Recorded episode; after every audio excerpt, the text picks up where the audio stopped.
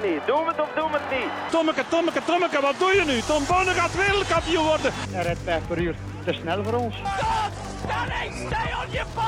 Fred gaat. En nog Fred. Jeff doen is hier. Jeff! Wat is er mis met Dumoulin? Hollands poepen. Hij heeft diarree. Don't stand on my dog or I cut your head off. Daar is hem, daar is hem! Daar is hem! Daar is hem! Inderdaad, een nieuwe aflevering van de Jogclub. Vandaag de gast een vrouw die WBF wereldkampioen boksen is in de super lightweight. Ze is na 13 profkampen nog altijd ongeslagen en van die 13 won ze er 5 op KO. Welkom Oshin de Rieuw. Dank u. Welkom ook Seppe. Merci, Bobby. Eh, ja, in, eh, in uh, Kuurne, het sta, eh, stad, nee, dorp, stad. Gemeente. Van, de, van het ezeltje, hè, kennen we dat? Ja, inderdaad, de ezelsgemeente. Van waar, van, waar- weten we van waar dat komt? Eh, ja, eigenlijk wel. Ehm, vroeger gingen we eigenlijk, eh, of ging de Kuurnaar naar de markt in Kortrijk. Maar eh, die gingen eigenlijk al heel vroeg om op tijd te komen op de markt. En dat was altijd met ezeltjes. En die hadden zo belletjes. En als ze dan de- in Kortrijk hoorden ze dat dan... Ah, ah, de ezels zijn daar van Kuurne. En ja, vandaar de naam de ezel van Kuurne. Oké. Ja, ja, wij kennen vooral van Kuurne, Brussel, Kuurne, dat de winnaar eh, Een heel krijgt. Ja, Juist, inderdaad, van de burgemeester meestal. Hè. ja, ja. ja. Eh, Seppe, boksen vandaag. Yes. Ziet zitten. Ja, ja, ja. Ja, ik ben er, kla- ja, ik ben er, ik ben er kla- even klaar voor. Ja, het is, het is, ehm, het is een wereld met, met heel veel verschillende bonden. Inderdaad. Hè, want ik, eh, ik zag 13 ongeslagen kampen. Maar je hebt dan zo'n, eh, zoiets als pro-cycling stats. Hè, van het wielrennen heb je dan de boxing stats. Maar daar stond dan nog een andere categorie bij. Is het, zijn dat al verschillende bonden of zat ik gewoon... Eh, momenteel met het eh, parcours van de Olympische Spelen Ja. ehm, moeten we als profbokser terug in het amateurcircuit gaan, gaan meedraaien. En dus daar eh, komen ook nu de stats op Ah, als oké. profbokser. Ehm, vandaar die twee verschillende. Maar eh, de bonden zelf kan je eigenlijk telkens zien op, de, op je record. Ja, ja. Dus eh iedere keer ernaast van eh, je bent WBF, wereldkampioen. en dan heb je nog WBC, IBF, WBO. Het zijn er tallen. En, en hoe komt dat ze... Hoe is, hoe is dat gekomen dat er zoveel verschillen... Allee, je hebt wielrennen ook zo wel wat... Maar dat zijn altijd allemaal nevenbonden. Je dan... Ja, inderdaad. Maar dat is, hoe dat, dat komt, eh, iedere bond, er ontstaat een bond. ehm, en iedere bond geeft titels uit. Titelwedstrijden zijn natuurlijk ook eh, mooie inkomsten. Ja. Eh, als bokser is het natuurlijk goed voor je naam om een titel te, te winnen. Ehm, en je hebt ook, ja, voor de WBC is een van de meest waardige titels. ja. Maar bijvoorbeeld om dat te organiseren moet je ook die titel en de scheidsrechters en de federatie kunnen gaan betalen of uitgenodigd worden door iemand die die titel heeft. Ehm, er- dus er gaat er eigenlijk heel veel eh, geld mee gemoeid. Het is echt een eh, economie eigenlijk op zich, van Ah, vraag en aanbod. Ja, ja. Oké. Ja, ik zie hier eh, drie van die... dat? Belt. Belt. ja belt, inderdaad. En dat, dat, dat is de trofee als je... Ja, dus eh, als je een, eh, like nu de Intercontinental, de International en twee keer de wereldtitel eh, gebokst hebt, dan krijg je dat eigenlijk als trofee mee naar huis. Ehm, dat is heel mooi, heel mooi souvenir natuurlijk. Ehm, maar de beurs is ook leuk. maar natuurlijk, ik had nooit gedacht dat ik heel veel... ehm, ik ben iemand die veel waarde hecht aan medailles en aan, aan eh, het stoffelijke van, van een competitie. Maar toen ik de eerste keer, dat was de international eh, kampioenschap won, was dat een heel emotioneel moment. En toen besefte ik van, oei, misschien hecht ik daar toch wel meer waarde aan, aan dan dat ik dacht. Ja. Ja, want het is, dat is niet iets dat je aandoet of zo, hè? Elke avond doe je dat aan. Ja? nee, nee, nee. Absoluut niet. Want, Absoluut niet. ja, als je, als je wereldkampioen wordt in het wielrennen, ja, dan heb je een trui waar je een heel jaar in mocht rijden. Maar deze is niet iets dat je... Allee, dat is... We doen dat niet aan tijdens boksen, maar na de wedstrijd krijg je dat wel rond je middel. Ja. worden er foto's genomen en, en ja, dan ga je naar huis ermee. En ja, ik heb dat hier gelukkig mooi kunnen eh, plaatsen. Eh, dat staat daar heel goed, Ja. boven op de vensterbank. Dus, eh, Ah, ja. Ik, ik hecht ook niet zo heel veel eh, belang aan medailles. Die zitten eigenlijk allemaal in de speelgoedbak van mijn kinderen. En deze week leerde mijn dochter over sport. En dan, ja, dan had hij wel medailles meegenomen van me. En dan, die was wel verschoten dat de kindjes in de klas daar wel van onder de indruk waren. ja, zeker. Als je in de wereld zelf zit, heb je zoiets van ja, een trofee ook. Na iedere Ja. wedstrijd krijgen we een beker. Maar het eerste wat ik doe als ik van de ring kom, dat is ja, klein manneke of meisje die daar staat, heeft dat mee. En voor hen is dat wauw, ik heb dat gekregen. Ja. Is dat een heel grote meerwaarde. En voor mij, ja, voor mij is het geen in mijn hoofd de overwinning zelf Ja. die, die het belangrijkste is. Maar ik kan er wel in komen voor mensen die niet in de sportwereld zitten, dat dat iets is van wauw. Ja, ja. zo'n beker, dat vangt veel stof, zegt mijn vrouw altijd. Dat, allee, Ja, dat is waar. dat Ik zou ze hier moeten verzamelen. Zo misschien, een, zo misschien een kamertje apart met de medailles van Charlotte van mij. ja, ja. Eh, ik had in de, in de research gevonden dat je pas op je 20 jaar bent beginnen boksen. Ja, inderdaad. Wat had je daarvoor gedaan? Ehm, een beetje van alles, maar vooral veel gefeest en uit geweest. Ehm, ik was eigenlijk wel een hele... Ik had heel veel energie wel als, eh, als kind. Van alles uitgeprobeerd, via school ook. Zo. Dan, dan de minivoetbal en de volleybal. En ik vond het allemaal wel leuk, maar niets die mij echt ja, kon, kon vastgrijpen en zeggen van kijk, ik wil dat nu echt voor trainen en voor gaan. Dus eh, als puber ben ik dan meer beginnen eh, skateboarden en BMX'en met de lifestyle die er wat bij hoort. Want dat is zo'n beetje een subcultuur op zich. En dat was dan eigenlijk meer eh, oh ja, het weekend uitgaan en feesten. Totdat, ja, ik was wel altijd op zoek naar iets van... Ik wil wel iets hebben waarvoor ik mij kan smijten. En ik herinner mij nog, als ik dat films zag met boksen in, of films van, eh, van het leger, dat ze die training deden. Ik vond dat fantastisch. En eh, ik zocht naar zoiets, totdat ik eh, op een dag meeging met een vriend eigenlijk. Van, zei ja, kom ik mee, we gaan een keer gaan boksen. En ja, ik kwam die zaal binnen en ik was meteen, ik was meteen verkocht eigenlijk. ja. Ja, en toen ja, was ik 19 en dan mijn 20 eigenlijk officieel mijn boekje gekregen. En had je dan direct door dat je daar talent of aanleg voor hebt? Of dat Wel, je goed bent? Ik moet wel zeggen, ik had wel direct het gevoel van... Dat, dat gaat me wel. Dat was het eerste wat ik moest doen, was touwtjes springen. En dat ging eigenlijk heel vlot. Ehm, dan wat shadowboxen, de kleine stapjes leren, een jab geven en op de juiste manier je lichaam gebruiken. Ehm, en dan een keer op de pads. En toen wist mijn coach toen wel te zeggen van ja, het, eh, het veel power. en dan ja, door natuurlijk de positieve bevestiging heb je zoiets van right, eh, misschien is dat wel iets eh, waar ik goed in ben. En ik weet nog, na de eerste training, ik was, ik was kletsnat. Ik was kapot. En dat vond ik juist zo aangenaam. Ik was, ik was helemaal leeg. Het was een, een, een... Twee uur heeft dat dan geduurd, dat herinner ik me nog. En ik had zoiets van, wauw, ik wil dat nog doen. En de dag erna stond ik op de piste te lopen. Wat dat praktisch ook nooit deed. En zo gebeten geweest. En ja, zo is het begonnen. hè. Eh, Komt het een beetje overeen met de films? Eh, eh, want wij kennen het boekje Rocky. denk ik ook vooral van, van, ja, van de Rockies en van... Ja, en de Rocky is het wel een beetje allemaal uitvergroot. zo het vlees slaan en zo. Het is heel oldschool. Maar ik moet wel zeggen, de boksen is wel een heel harde sport. Veel mensen, denk ik, die nog wat onderschatten hoeveel tijd dat erin kruipt. Het is ook een, een, een sport... Like, eh, triathlon is, is heel rechtlijnig, is heel moeilijk. Ehm, is ook endurance en, en moet je veel voor trainen, kruipt heel veel tijd in. Maar in boksen heb je ook de zijwaartse beweging. Je moet, je moet lichaam goed kennen in de ruimte waarin dat je zich bevindt.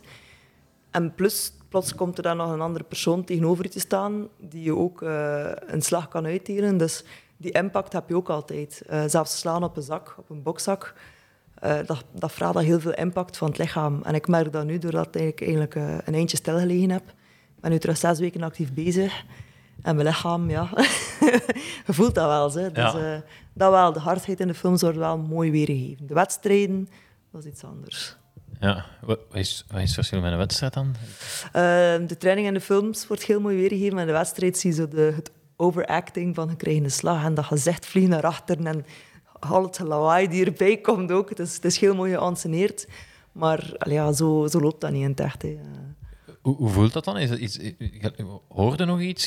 Zijn heel, alle uw zintuigen op scherp? Of, of hoe moeten we ons... het moment dat je eigenlijk in de ring stapt, gaan die zintuigen op scherp. Dus eh, er zit daar, bij ons in de club, als wij organiseren, zitten daar gemiddeld 1200, 1500 man. Die staan er allemaal te roepen voor u, maar je hoort niets meer. Je hebt zo echt een tunnelvisie. Ehm, de slagen dat je krijgt, moet al een heel harde slag zijn, tegen dat je eigenlijk zelf zegt van, oh, ik heb dat niet goed gevoeld, ik ga moeten opletten. En dat gebeurt wel eens. Maar ik, ik zelf heb in de wedstrijd gelukkig nog niet tegengekomen. Ik ga hout vasthouden. Mijn tafel is van hout gemaakt. Ja, Eh, heb ik nog nooit echt een, eh, een hele zware slag eh, ontvangen. in training wel. En dan voelde... Allee, in training voel- ben je wel iets gevoeliger Ja. voor dat aan te voelen. In een wedstrijd, die adrenaline komt erbij. Krijg je een slag, ga je toch door. En, en ja, je bent er ook op getraind. En denk, als bokser, je kan er wel op trainen, maar je moet er ook wel een beetje voor gemaakt zijn. Denk ik. Ja. Ik, ik, ja, het dichtste dat ik bij boksen ben gekomen is denk ik zo in een massavalpartij in de koers. je, je beleeft dat vertraagd. Alles Ja. Is dat als je een box krijgt ook dat je dat iets, iets trager beleeft? Of Absoluut niet. nee, alles... Nee, nee. Dat is heel gek. Na mijn wedstrijden ook kan ik heel moeilijk herinneren wat ik in de wedstrijd zelf gedaan heb. Eh, omdat er ook geen ruimte voor is. Je, dat is, je bent zodanig getraind op automatismen. En je bent bezig in de wedstrijd, adrenaline, adrenaline neemt over. Dus het is altijd leuk om nadien de film te gaan bekijken van de wedstrijd als er iemand de videoopname heeft. Ja. Ehm, ook omdat je dan ook het resultaat ziet van al het harde werk die erin gekropen is. eh, Ja. ingekropen is. Maar ehm, ja, vertraagd had het absoluut niet. Misschien als je KO gaat. Eh, Ik, ja, ik heb wat, eh, wat kampen bekeken. Het, het, eh, het begin leek me toch wel redelijk filmachtig, met, met, met beginmuziekje dat je opkomt. Met, Ja, ja. dat, is- dat moet wel de max zijn, hè? Dus ja, dat is bij het profboksen wel een streepje voor op het amateurboksen. Dat is zo... Het is uw moment. Je hebt ook meerdere rondes. Dus je komt, komt uit de kleedruimte en je bent goed opgewarmd en de muziek is gedraaid. En de mensen die je kennen weten dat dat uw liedje is. En dat is zo'n beetje een... Ja, het is, het is een beetje filmisch. Hè. Het, is, eh, het is heel leuk, maar je komt zo lekker in een, in een zone terecht. Ah ja. Ja, ja. En heb je hebt altijd hetzelfde liedje. ja, ik heb één keer veranderd van liedje en ik kreeg negatieve commentaren van mijn fanclub. Dus. Ja. Ik- ik- Als ik me niet vergis, Master of Puppets. Ja, inderdaad. Ja, ja. Dat brengt mij like, eh, redelijk in een eh, leuke modus. Oké. Ja. Ja. Het, is, het is plezant, het is heftig, maar toch eh, dansbaar ergens. Ah, ja. ja. Ik heb nog niet gebokst. Ik weet al wel wat, ik- maar wat ik zou... Ik zou eh, Killing in the Name of zou ik... eh, Alright, Ja. ja, ja, ja. Mega goede song, ja, ja. inderdaad. Ik denk dat dat ook... Allee, zowel, zowel qua lyrics als qua opzwepend wel... eh, Ja, zeker, zeker. Als er dan ineengepeerd wordt, dat wordt is- dat ook ja. wel tegen u gebruikt. ja. Ja, inderdaad. Dus ik heb iets genomen zonder lyrics. Hè. Dat is gewoon de intro. Ah, oké. Slim, hè? Nee, ja, ik ben ook niet van... eh, ik ben ook niet de type die... Ik ga mezelf niet gaan eh, overschatten of gaan verkopen op de weging of zo. eh maar rustig. En het werk gebeurt in de ring. En, Ja. er niet voor. En de weging, is dat ook zoals in de films? Of nee, dat zien we gewoon op de, in het nieuws al, dat er dan al is... Ja, dat is... Het is, ehm, het is zien hoe groot de rivaliteit is, natuurlijk. Ja. Dus momenteel heb ik dat zelf nog niet meegemaakt. Dat ik zo zeg van... eh, Zo'n beetje een grote mond opzetten of Ja. zo. Maar eh, er is wel eh, sterk oogcontact. En soms al door gewoon het oogcontact, oogcontact te maken, weet je al van... Ik ben iets dominanter. Of eh, je, toont je, do- je stelt je dominant op. Ja. Maar ehm, ik heb wel al eens, al eens meegemaakt in de ring zelf dat er een damesbokser, ehm, Ch- ja, Charlotte was ringmeisje toen. En die damesbokser had eh, ja, knipoog naar Charlotte en zo wat tekens gedaan. en toen had ik toch wel iets van, eh, wacht maar. Ja, ja. Dat is Ja, niet zo goed, eh, dat was niet zo tactisch, niet zo slim. Dan was hij op de slim? hoogte van... eh, Ja, ja, want Ah, zij was eigenlijk uit Servië. En eh, achterna, achterna hebben we wel gepraat en zo. En natuurlijk voor haar, ja, zij was, zij was lesbisch. Maar in Servië, ja, lesbisch zijn is, niet, is not done. En eh, ja, ze zei dat dan, dat dat heel mooi was om te zien. En zou zij mij gewoon een beetje uitgedaagd hebben. Ja. Maar het is mislukt. Want, Ja. Maar, maar ze was wel op de hoogte dat jullie getrouwd waren. Toen nog niet. Ah, ja. nee. Ja. Maar ik denk wel dat ze wel wist eh, dat we iets hadden. Ja. En hebben ze KO geklopt? De eerste keer niet, de tweede keer wel. Eh, kun, kun, kun je even voor de, voor de luisteraars die niet mee zijn met de boksport, Ja, voor Misschien- mij ook, uh, boy. eh, en voor Seppe dan, ja, en voor, voor mijn eigen ook, het verschil uitleggen tussen het, profboksen en het amateurboksen? Want je hebt al gezegd, amateurboksen is olympisch boksen. Ja, inderdaad. Ja. Dus eh, bij het profboksen, ehm hoe je start een wedstrijd. Dus je hebt eh, de papieren dat je moet invullen. eh je trainer of je manager zegt van kijk, we gaan boksen tegen die dame. Stuur je papieren op, er wordt een bedrag vastgesteld. Het aantal rondes wordt ook ehm, vastgesteld. Voor kampioenschappen is dat tien rondes. Ehm, maar je kan ook wedstrijden hebben met acht rondes of zes rondes. Dus dat wordt eigenlijk allemaal met een, met een contract overeengekomen. Ehm, dan heb je ja, vier à zestal wedstrijden per jaar. Er zit wel wat tijd tussen. Maar dat gaat dus ook over meerdere rondes zonder helm. Eh, de impact is net iets groter. Plus in het eh, profboksen, als je zo acht of tien rondes hebt, en de eerste twee verliesde bijvoorbeeld, omdat je observatief bent, kan je nog altijd je, werk gaan inhalen. In het amateurboksen daarentegen, ehm, dat zijn drie maal drie minuten. Dat is heel explosief. Heel weinig tijd om eh, een, een wedstrijd gaan, gaan eh, construeren en, en tijd te nemen voor jezelf. Dat is gewoon volop gaan.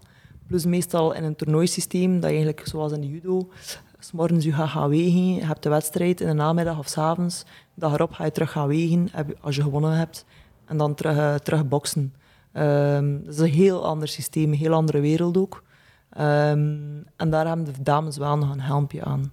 Hij bokst ook met, met iets zachtere handschoenen. Ah ja, dat scheelt hem nog. Ja, inderdaad. Ja, ja. Dat is eh, 12 ons bij de amateurs. En eh, bij de profs, eh, het lichtste dat ik ooit mee gebokst heb, is 8 ons. Maar is dat licht van zwaarte of is dat echt Ja. van zachtheid? Want, Dus eh 12 ons is ongeveer 340 gram per handschoen. ah, ja. En dan 8 ons is dat iets lichter. En dat slaat wel, eh, dat slaat wel goed hard door. en dan, ja, dan heb je meer kans op de, op de KO natuurlijk. Ja. Dat is een heel ander systeem. Ah, En-. Ja. Bij het profboksen weeg je ook een dag op voorhand. Heb je nog 24 uur. Je kunt eigenlijk je gewicht trekken. Dus stel dat je zegt van box op 62 kilo en twee dagen ervoor weegt je nog 63,5. Dan doe je zo'n sauna-suit aan, ga je gaan lopen, kan je op je gewicht komen, je weegt je. En dan kan je natuurlijk nog alles terug binnennemen dat je nodig hebt in die 24 uur. Maar in het amateurboksen is dat, ja, heb je misschien vier uurtjes tijd tussen je wedstrijd en je weging. Dus dat is helemaal anders. Ja. Ja. en de, de, de gewichtsklassen, hoe, hoe zijn die? Bij de Olympische nu momenteel, ehm, en mijn, voor mijn ehm, eh, nee, Olympische Spelen is min 69, wat dat heel hoog is. Ja, ja inderdaad. Ehm, want je hebt eh, min, min 52, min 57, min 60, min 69 en Amai. min 75. Amai, zoveel. Dat is weinig. Is dat, ah, is dat weinig? Oké. De categorieën bij de man heb je er meer. Ah ja. Dus tussen de 60 en 69, dat is 9 kilo verschil. Ah, wel, ja, dat is Ja. een super groot verschil. Hè. Dat is 9 kilo lichaamsgewichtverschil. En dat lichaamsgewicht gaat ook een beetje gaan bepalen hoe sterk uw slag is, bijvoorbeeld. Ah. Ehm, stel, in mijn geval, ik box bij de profs aan 63,5. Voor aan min 60 te gaan en elke dag met min 60 te wegen, dat is onmogelijk. Kan dat doen hoor, maar ik heb ook geen zin om mijn hormonen en, en, en ziek te lopen elke dag. Dat is, dat is niet haalbaar. Ehm, en bij 69 heb je dan natuurlijk de dames van 70, 71 kilo die, naar beneden komen in de 69 kilo. Dus dat is eigenlijk wel een beetje een, eh, een nadeel eh, met de Olympische Spelen. ja.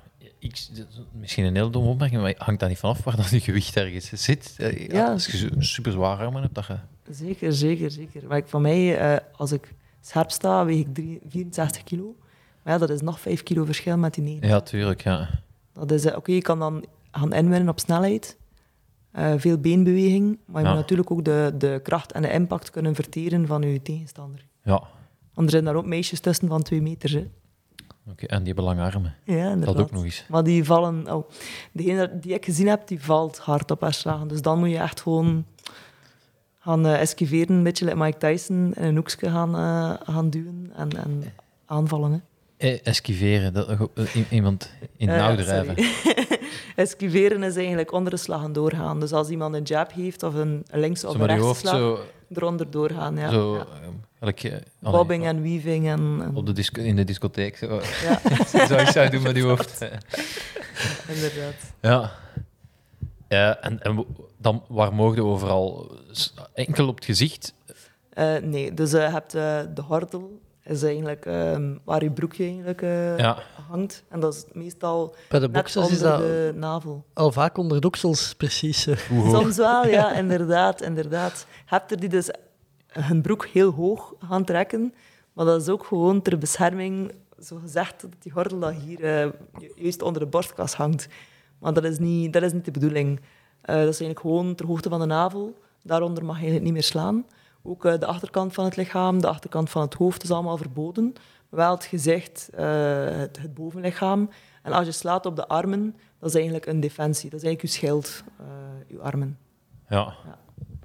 Maar je hebt er natuurlijk die de broekje heel hoog trekken en dan ja.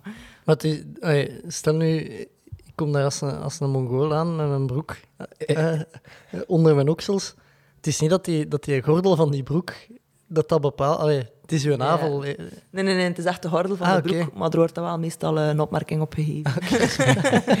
Daarvoor zijn er scheidsrechters ook. Zo wat.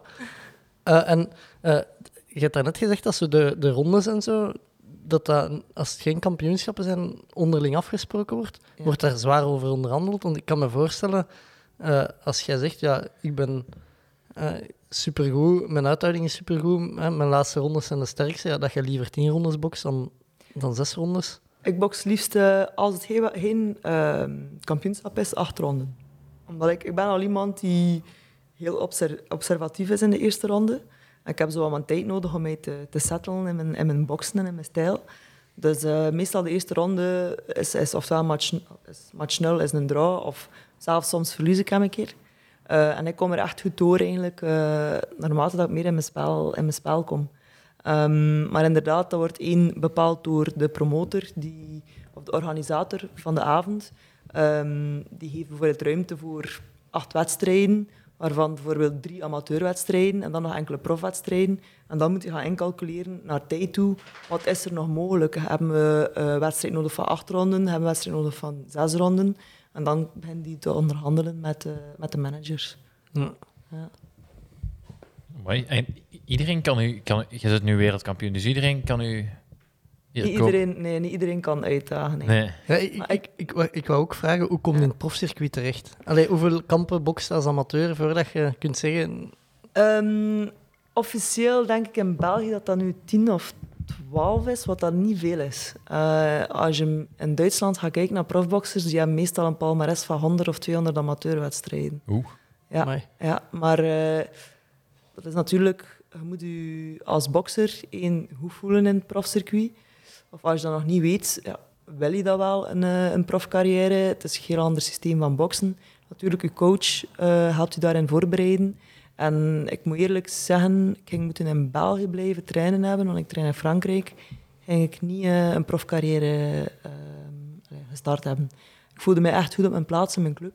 En na wat overleggen en kijken wat dan mijn opties nog waren in het amateurcircuit, was eigenlijk de stap naar profboksen eh, gemakkelijk gemaakt. Omdat ik ook 100% vertrouwen heb in, in, mijn, eh, ja, in mijn coachen. En mijn, oh, mijn coach is eigenlijk ook mijn manager. Dus je moet je eigenlijk echt goed voelen in je, in je entourage. Dat is denk ik voor boxers heel belangrijk. Het mentale komt er eh, ook mee te kijken natuurlijk. Hè. Ja. ja. Wil het prof zeggen dat je er dan ook direct geld mee verdient, of moet dat niet? Je hebt een beurs, maar ja, veel mensen op televisie zijn dat grote getallen. Maar geloof mij, eh, ik kan daar net mee mijn, eh, mijn diesel betalen om, om drie maanden te gaan trainen. Dat is, Ja. ja, ik kan dat, het, eh, het is veel- heel veel investeren en je moet het eigenlijk echt doen omdat je het zelf, omdat je het zelf we- wenst. Als je sponsors hebt natuurlijk, is heel, is heel aangenaam.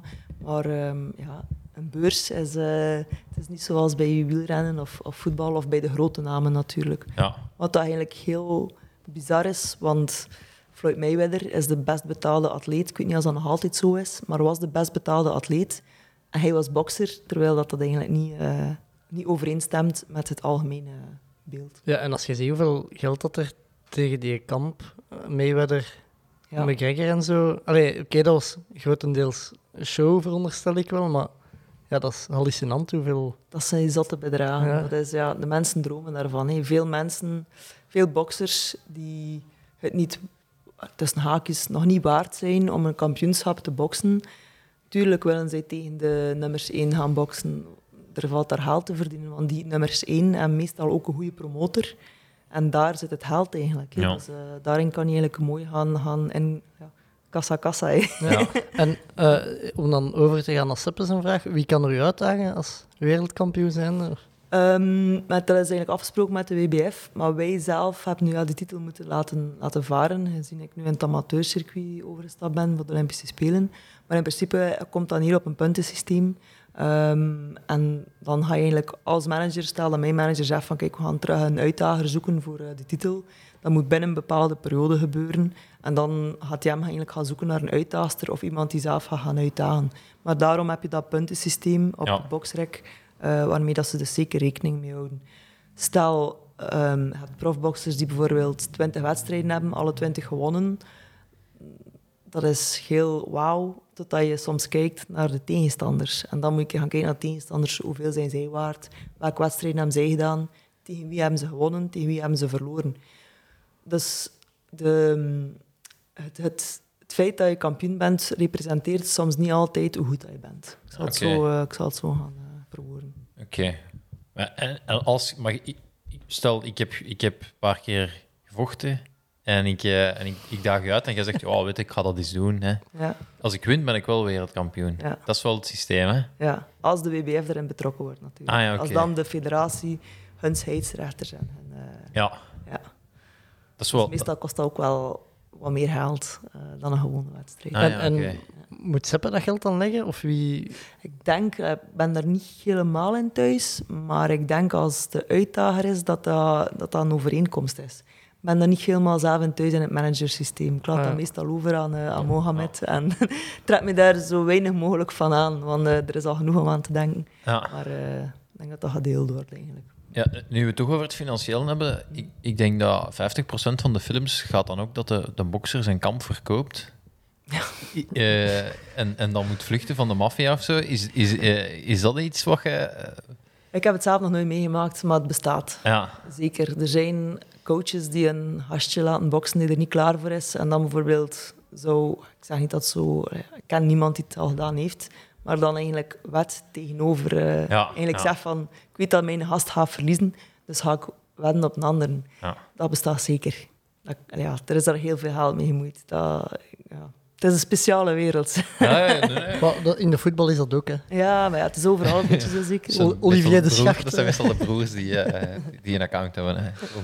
Ja, ja dat is juist. Eh, Ja, en- maar het is wel jammer dat er een beetje mee gepaard gaat. Daarom dat ik zelf ook lang uit dat profcircuit gebleven Ah, ja. Van de eerlijkheid en de puurheid van de sport soms ver te zoeken. Maar uiteindelijk, ja, als bokser doe je het voor jezelf. hè.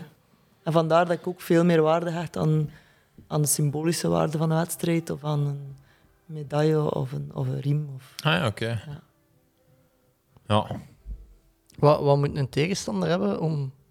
Allee, ik ga ervan uit dat je regelmatig wel wordt uitgedacht. Dat valt mee. Ja? Dat valt eigenlijk echt goed mee. Dat ha- hangt er ook vanaf naar... eh, like wij in Frankrijk organiseren twee keer per jaar. Ehm, en toen in 2018, telkens als we organiseren, dan organiseren we een kampioenschap. Eh, dat was ook voor mijn naam iets te laten groeien. Ehm, moest ik nu niet in het amateurcircuit overgegaan zijn, gingen we naar een andere federatie overgegaan zijn. En gingen we proberen te investeren in een andere, andere titel. En dan is het, ja, moet een manager eigenlijk een tegenstander gaan uitzoeken tussen haakjes of de uitdaagster eh, inviteren. ja. En dan eh, is het een beetje te zien, eh, ja, de wedstrijd zelf. hè. Ja, ik zag dat je ook kampioen bent van Noord-Pas-de-Calais. Ja, Ik vond dat ook wel een stoere titel. hè? ja. ja, ja. Is, dat- is dat het toernooi dat dan georganiseerd wordt? Of is dat... Dat is eigenlijk... ehm, ja, dus in, in, in België heb je ook provincies. Ja, Dat is precies als hier de West-Vlaamse eh, competitie doen, ja. de Oost-Vlaamse. Natuurlijk in België, ons land is te klein, hij heeft te weinig boxers om dat allemaal op te splitsen. Dus we hebben de Vlaamse en de Waalse kampioenschappen en dan de Belgische. Maar in Frankrijk ehm, ja, is dat Pas de Calais, waar dat mijn club ook ehm, eigenlijk is. Ehm, dus we hebben meegedaan met die kampioenschappen. Eh, gelukkig gewonnen, maar de Franse kampioenschappen kon ik niet mee aan deelnemen omdat ik geen Française ben. Ah, ja, oké. Ja, ja, dat is heel eh, enkel voor Franse dames. Ja. Of, eh, Hoe- hoeveel boxers zijn er in België? Heb je daar een idee van? Is dat een groot wereldje? Is dat... Dus er zijn er veel die trainen, zeker ook dames, maar niet veel dames die competitie Ja. eh, eigenlijk eh, gaan aan deelnemen. Eh, er zijn ook wel wat jongens, maar ik vind het nog een te kleine wereld. Ik denk dat België nog heel veel groeimarge heeft, maar ik denk dat die groeimarge gaat afhangen van eh, of iemand kwalificeren voor de Olympische Spelen en of er eh, een medaille is ook. Ja. Op het moment dat je als atleet een sport beoefent die ehm, media-aandacht krijgt, wordt die sport ook eh, populairder. Ja. Eh, en ik denk dat qua damesboksen heeft België echt nog een, een heel grote sprong te maken om met de buurlanden eigenlijk te kunnen eh, meedoen. ja. Ja. We hebben met Delphine Persoons wel iemand die Ja, zeker. geregeld in de, in de media komt dan ook. En ook Ja. eh, Maar dat wordt, wordt er nog niet... Ja, er is nog niet veel ehm, gevolgen aangegeven in de, in de damescompetitie. Ja. Ik denk zelfs toen ik startte als damesbokser, dat er toen meer dames actief waren in de competitie ja, dan nu. Ah, ja. Ehm, aan, aan wat dat al ligt, dus ik weet het niet, maar ik denk wel dat dat kan doorbroken worden door eh, een deelname aan de Olympische Spelen in België. Ja, Oké. Hoe zit het met uw eh, kwalificatie of uw ticket voor... Ja, het was, eh, het was spannend dit jaar. Dus, eh, voor de eerste kwalificaties heb ik dus een blessure gehad aan mijn knie. Ehm, dan kwam corona mijn verhaal redden. Het is corona, dus alles is uitgesteld, zoveel te beter. Dus eh, nu de eerste kwalificaties zijn in februari. Maar die pikken eigenlijk in waar ze geëindigd zijn in Londen, dus op de vierde dag. En daar mag ik dus niet aan deelnemen, omdat ik nog niet ingeschreven was door die blessure. Dus de, mijn, mijn kwalificaties zijn in mei. Ja. Dus eh, dat geeft mij nog ruimte en tijd om goed voor te bereiden. En ik denk dat ik die ruimte en die tijd echt ga nodig hebben ook. Want mijn blessure is wel langer. eh was, eh, was eigenlijk berekend om in mei terug ergens op 80% te staan. Maar ja, dat was het niet. In augustus nog eens geopereerd geweest. Dus eh, ik ga mijn tijd goed kunnen gebruiken op dat punt. eh, Hoe, hoe heb je voor gehad? Iets aan uw handen? Of is dat... eh, nee, gelukkig niet aan mijn handen, maar ja, gelukkig. Ik heb gewoon op een toernooi in Bulgarije door mijn knie gegaan. Ehm, dus mijn voorste ehm, ligament was verrokken. Ik heb dan ehm, bij squat eh, revalidatie gedaan, een beetje meer eh, stabilisatietraining op de knie. Ehm, maar toen had ik eh, een ehm, trainingsweek in Frankrijk, eind februari. En daar ben ik nog eens door mijn knie gegaan, maar mijn meniscus is meegescheurd. Dus eh, dan was natuurlijk of meniscus eruit halen, eh, ligament een Macintosh steken, zoals dat veel voetballers ook eh, hebben. Ehm, Macintosh. ja, Dat is een computer. ja, ik dacht dat ook. Zeg, wat, wat, ga- wat gaan ze hier mee steken? nee, maar dat is eh blijkbaar iets uit de, eh, de dijbeen dat ze eigenlijk naast je knie gaan plaatsen voor extra stabilisatie. Eh, voor je ligament eigenlijk verrotten is, eigenlijk meer te gaan ondersteunen. De meniscus zelf, ehm, voor hem helemaal weg te halen, ik, was, ik wou dat niet, omdat meniscus toch wel een heel belangrijk deel is van je knie. Dus hebben we geprobeerd hem te hechten. Ehm, die hechting doen ze enkel eigenlijk bij 20-jarigen. Dus ik was eigenlijk al een beetje te oud om die hechting te doen. Toch hebben we het erop gewaagd. En in eh, juni zijn we erop gekomen dat die hechting eigenlijk voor een deel terug losgekomen was. Waardoor dat ik bleef irritaties hebben. Want ik ging gaan lopen voor de eerste keer terug in mei. En dat was eh, een helse looptraining. Ik kon niet meer wandelen nadien. En toen, eh eerste keer een infiltratie. Misschien was het gewoon een ontsteking erop. Maar eh, toen werd het snel duidelijk dat eigenlijk die, die hechting totaal losgekomen was. Waardoor dat de, de spieropbouw was er ook niet. Door die infectie er terug op. Dus terug een kijkoperatie. eh het was wel spannend, want ik heb meegekeken. Oh, ja. En eh, ja, mijn, eh, mijn chirurg, Jaap, die zei van kijk, zie het niet zitten om, om een keer mee te kijken. Zo zie je ook wat er aan de hand is je knie. En dat is ook een deel voor het mentale verwerken. En ben blij dat ik het gedaan heb. Want ik heb het wel eens goed kunnen meevolgen. En dat was inderdaad ja, dat draadje eruit halen. En natuurlijk terug, eh, ja, eigenlijk een stap terug naar achter. Maar zoveel te beter, want nu voel ik me wel al sterker, kan Ja. zo zeggen. Ben nog niet op top, maar ça va. Ja, je, je bent misschien wel wat, wat bloed gewoon of zo, daarnaar te kijken. Ja, let op. Eh, Als ik daar lag, was het ook zo van... La, la, la, la, la. Niet kijken naar dat scherm, niet kijken naar dat scherm. En op het moment dat hij zei van kijk naar het scherm, zat hij al in mijn knie. Dus Ah, Ah ja, oké. eigenlijk is dat wel heel interessant. Ja. Eh, zeker een aanrader. Moest er ooit iemand een operatie... eh, Ja, ik heb, ik heb ook een keizersnede en ik heb ook gekeken. Eh, en eh, dat, ik vond dat ook wel een... een, een allee, dat, ja, dat, is, dat was wel eens een aanrader. Het is een beetje raar dat uw vrouw daar dan ook gewoon ligt, maar eh, ja, dat, dat... Ja, inderdaad. Eh, je leert er veel van, denk ik. Ja, ja. En, en ik ben ook heel nieuwsgierig en ik wil ook altijd weten hoe alles zit. En, en als je dan alles effectief ziet, hoe het echt is, en niet op foto of niet op een filmpje via YouTube, dat helpt wel. Dat is een deel eh, van het Ja. mentaal proces die... eh, Ja, ja, ik had wel geen zin meer om de placenta op te eten of zo. wat ja. ik heb wel de, de, de vruchtzak heb ik controleren. dat dat heel gezond is. Dat. Ja, ja, ja, in sommige landen doen ze dat, hè, maar... Ja, ik zou het ook niet. Nee. Is er ook niet zoiets als ze in de grond steken voor dan een boom? Een, een havenstreng of soms ook de placenta, ja. Ah, ja. Ja. Is? Van Ja. een boom? eh? Ja, Ja, ja, ik- ze planten. Ja. Ik weet ook niet hoe dat, dat bij Een mij binnenkomt. hè. Hè. eh, maar Nee, nee, maar dat was, allee, dat was nog redelijk, allee, redelijk stukje dat daaruit kwam. Ik verschoot er eigenlijk van. eh. Ja, maar vrouwen moeten veel doorstaan, hè. Ja, oh my, ja. Sterker ras, hè. Ja, het moet zijn. Ik weet niet hoe dat is. eh dat is ik denk eh, een baby op de wereld zetten, dat het ook wel een wedstrijd op zich is. Eh, ja, ja, een keizersnede ja, Dat is anders, hè. is anders, ja. Maar Snij dan in je buikspieren dus. snijden alles over. Ah, ja. Ja, je gaat dan, moet dan toch veel training doen en... en Ja, ja dat, dat duurt en- langer dat dat allemaal Ja. terug aan één is gegroeid. Dus, eh, Goh. ja. Je hebt, eh, je hebt gezegd dat, dat je gerevalideerd hebt bij, bij squat. Ja. Het is eh, op aanraden van Koen Aert dat we ja, zitten. Eh, ja, we vroegen hem bij wie moeten we eens langs gaan. En zei ja, bij, bij Oshin. ja. Ja, Eh. super. Ik vond het super lief van hem. Want, allee, we hebben heel vaak samen ja, de zaal gedeeld eigenlijk. Er was heel weinig volk met corona. Ehm, en het is al leuk eigenlijk voor mijzelf. Ik heb nooit echt in dat eh, topsportcircuit in België gezeten. En dan sta je met zo'n toppers in de zaal, ook met Fanny Leclus en zo. En dan, ja, dat is, is leuk om te zien dat mensen ook zo hard werken om ergens te komen. En, en dat geeft wel op. Ehm, om zo samen de revalidatieperiode door te maken, dat is echt wel dat is leuk. En je volgt dan elkaar ook een beetje meer, je leert elkaar zijn sport ook wat kennen. En eh, dat zie je ook dat eigenlijk ook allemaal maar, we zijn allemaal maar mensen. Nee. Ja. Sommigen zeggen, oh, Koen Aert, ja, want het is, is Koen. hè. Je zegt dan een hij en een goeiedag. Oh, hij Ja, en salut ja. tegen. En, ja, maar een topgast, hè. ja, zeker.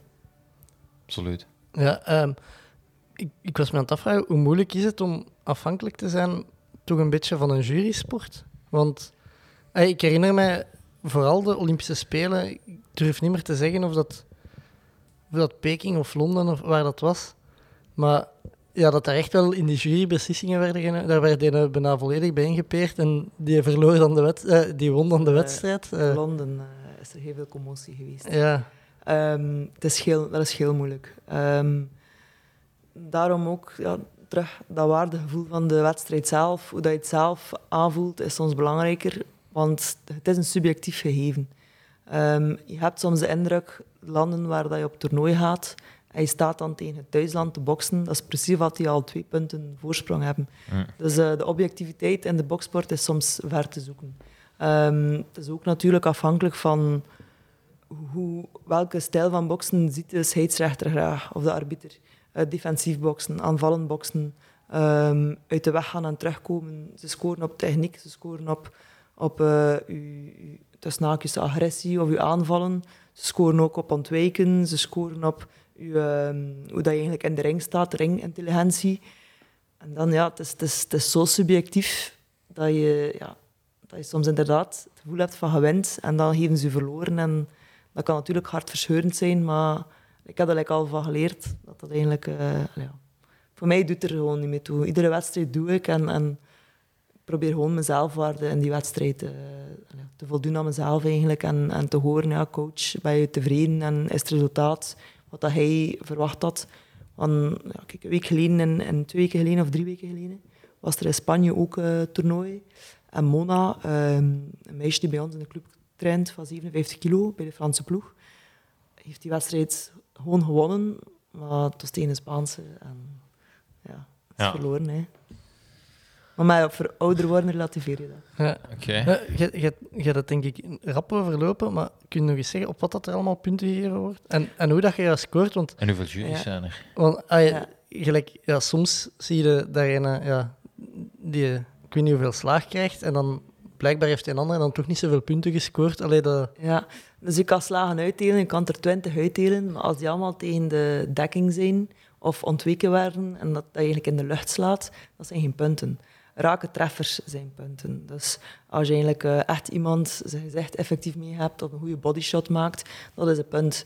Ehm, ontwijken, op ontwijken, de stijl van ontwijken. Als ze een slag ontwijkt, ja, en als je zo'n een, een bepaalde stijl hebt of een, swag, dat, wordt ook, dat wordt ook goed gescoord natuurlijk. Kijk naar Floyd Mayweather, een van de meest defensieve boxers.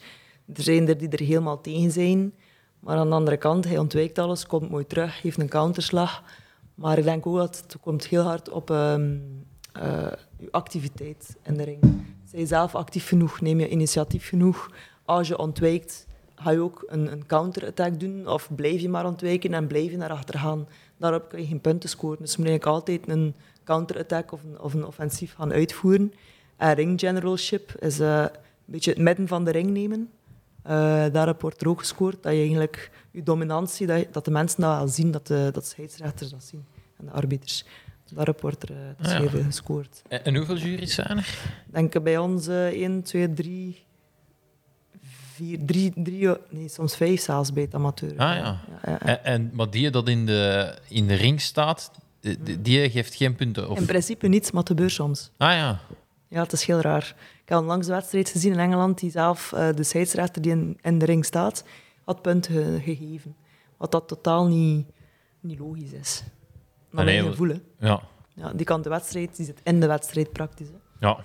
Maar het gebeurt. Dus Ah ja, nog eens een teken van boksen, eh gekke wereld. ja. Ja. Maar bon, je kunt ze nog altijd KO slagen.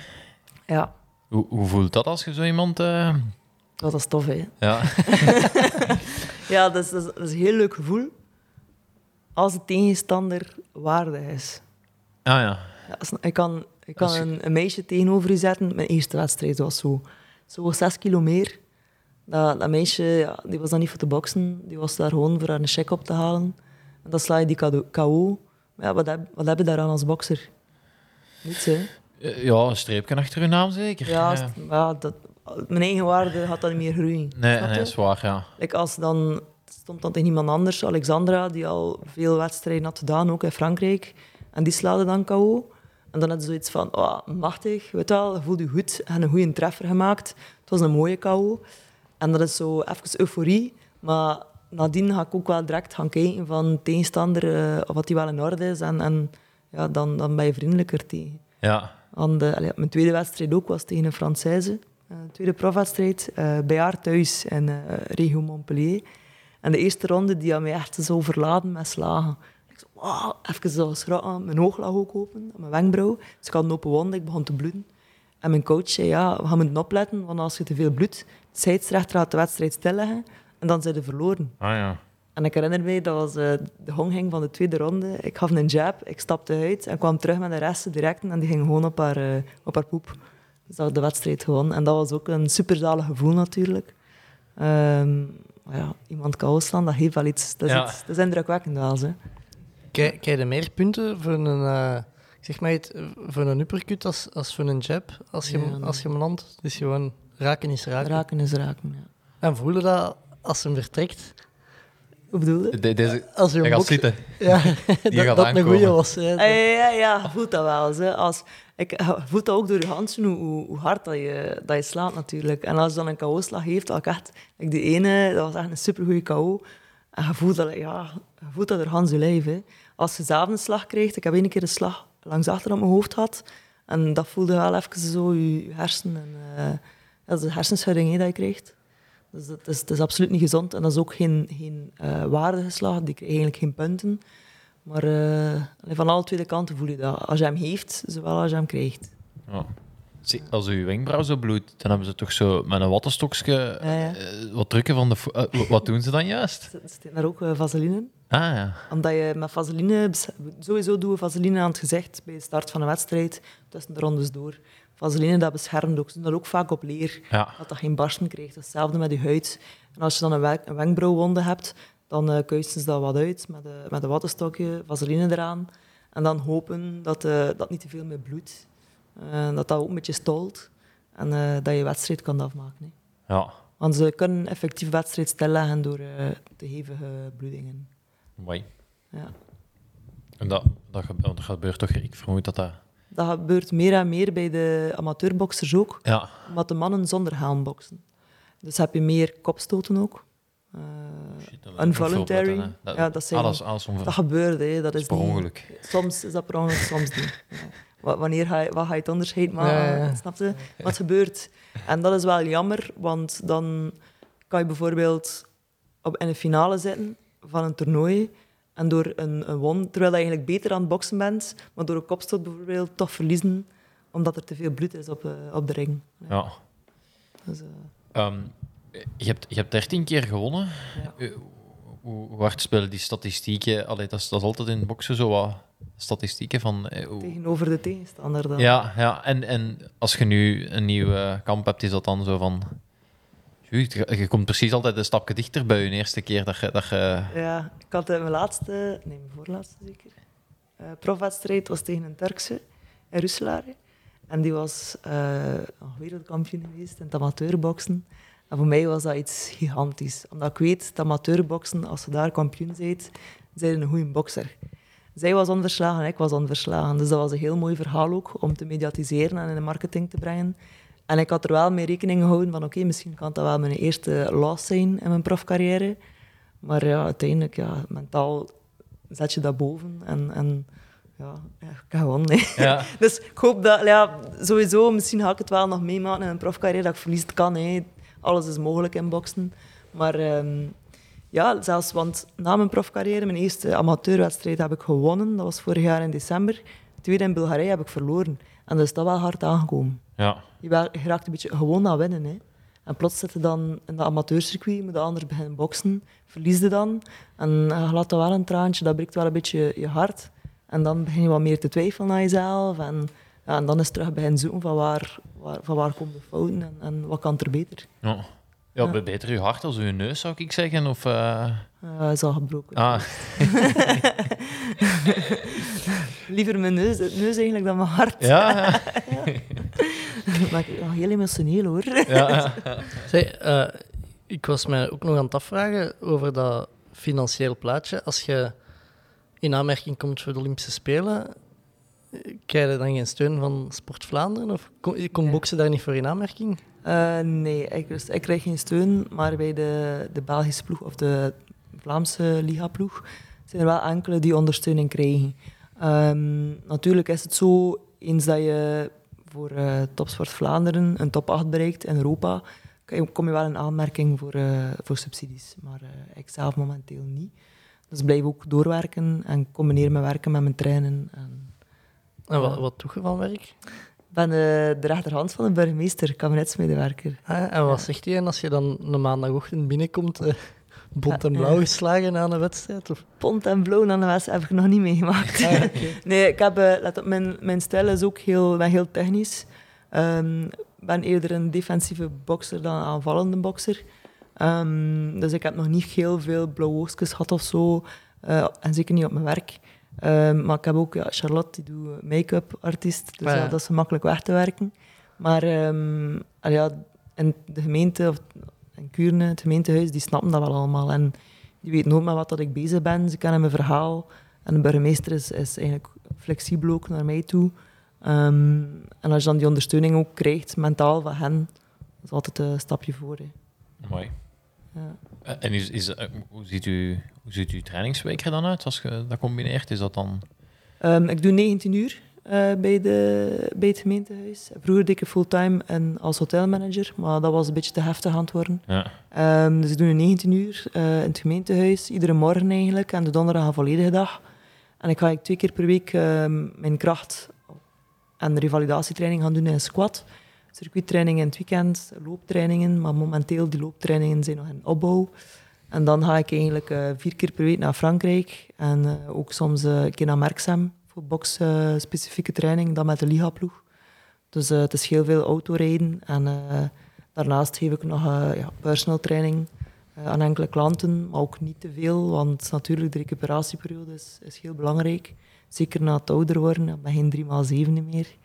En dat, dat speelt toch wel apart, een goede rust. Je je zit van hetzelfde bouwjaar als mij, dus... eh, Ja, ziet er ook gaat- nog goed uit. Ja. Ja, maar je voelt dat toch? Dat is toch anders of als je. 20 bent? ik, zit zo nog, ik zit nog heel erg in de ontkenningsfase. Dat is goed. Ja. Ik zit in de confrontatiefase momenteel. ja. Ehm, is, is het niet, niet logischer dat je een job zoekt in het verlengde van je sport? En eh, ik zeg maar iets, buitenwipper of, of, of, of, of dat je... Dat je allee, nee, of, Nee, absoluut niet. Eh, ik, bij mij is ik, ik fiets, dus ik verkoop fietsen. Dat is Ja, ik dus Nee, maar ja, als, als buitenwipper mag je toch niets doen. Hè? ja, nee, maar ja. Nee, maar... Ja, dat de per ongeluk, de per ongeluk een kopstoot eh, Maar de- ja, gebeurt daar ook eens. De kan dat je van zo'n wilde, ik weet niet, ja, een mes tussen nu. Allee, dat zijn, dat zijn geen propere gevechten, hè. De cafégevechten. dat- Voor de burgemeester doe dat soms. Hè. Een beetje extra bescherming. Ah ja. Nee, Ja, als er, als er in een, eh, met een bouwvergunning of zo, eh, dat moet opgelost worden, dan... passeren in Zeeland. Ja, eh. nee, dat, dat is ehm, daarmee dat ik bezig ben met die personal coaching ook. eh toekomstrecht, na mijn eigen competitie, zou ik graag wat uitbouwen en zou ik eigenlijk heel graag het vrouwenboksen nog wat meer in het licht brengen. Ehm, en door mijn coaching eigenlijk eh, een carrière uitbouwen. Ja. Maar dat is nu nog niet 100% aan de orde. Nee, nee. Ja. Ja. Eerst aan de spelen toe. Hè. Ja. Ja. Dat is de bedoeling. hè. Ja, ja, ja.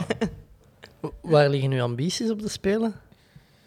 Ehm, stap per stap. Ja. Ik wil gewoon eerst die kwalificatie, dat ticketje binnenhalen. En dan eh, wil ik een keer gaan, eh, gaan kijken van waar dat, tot waar dat kan geraken.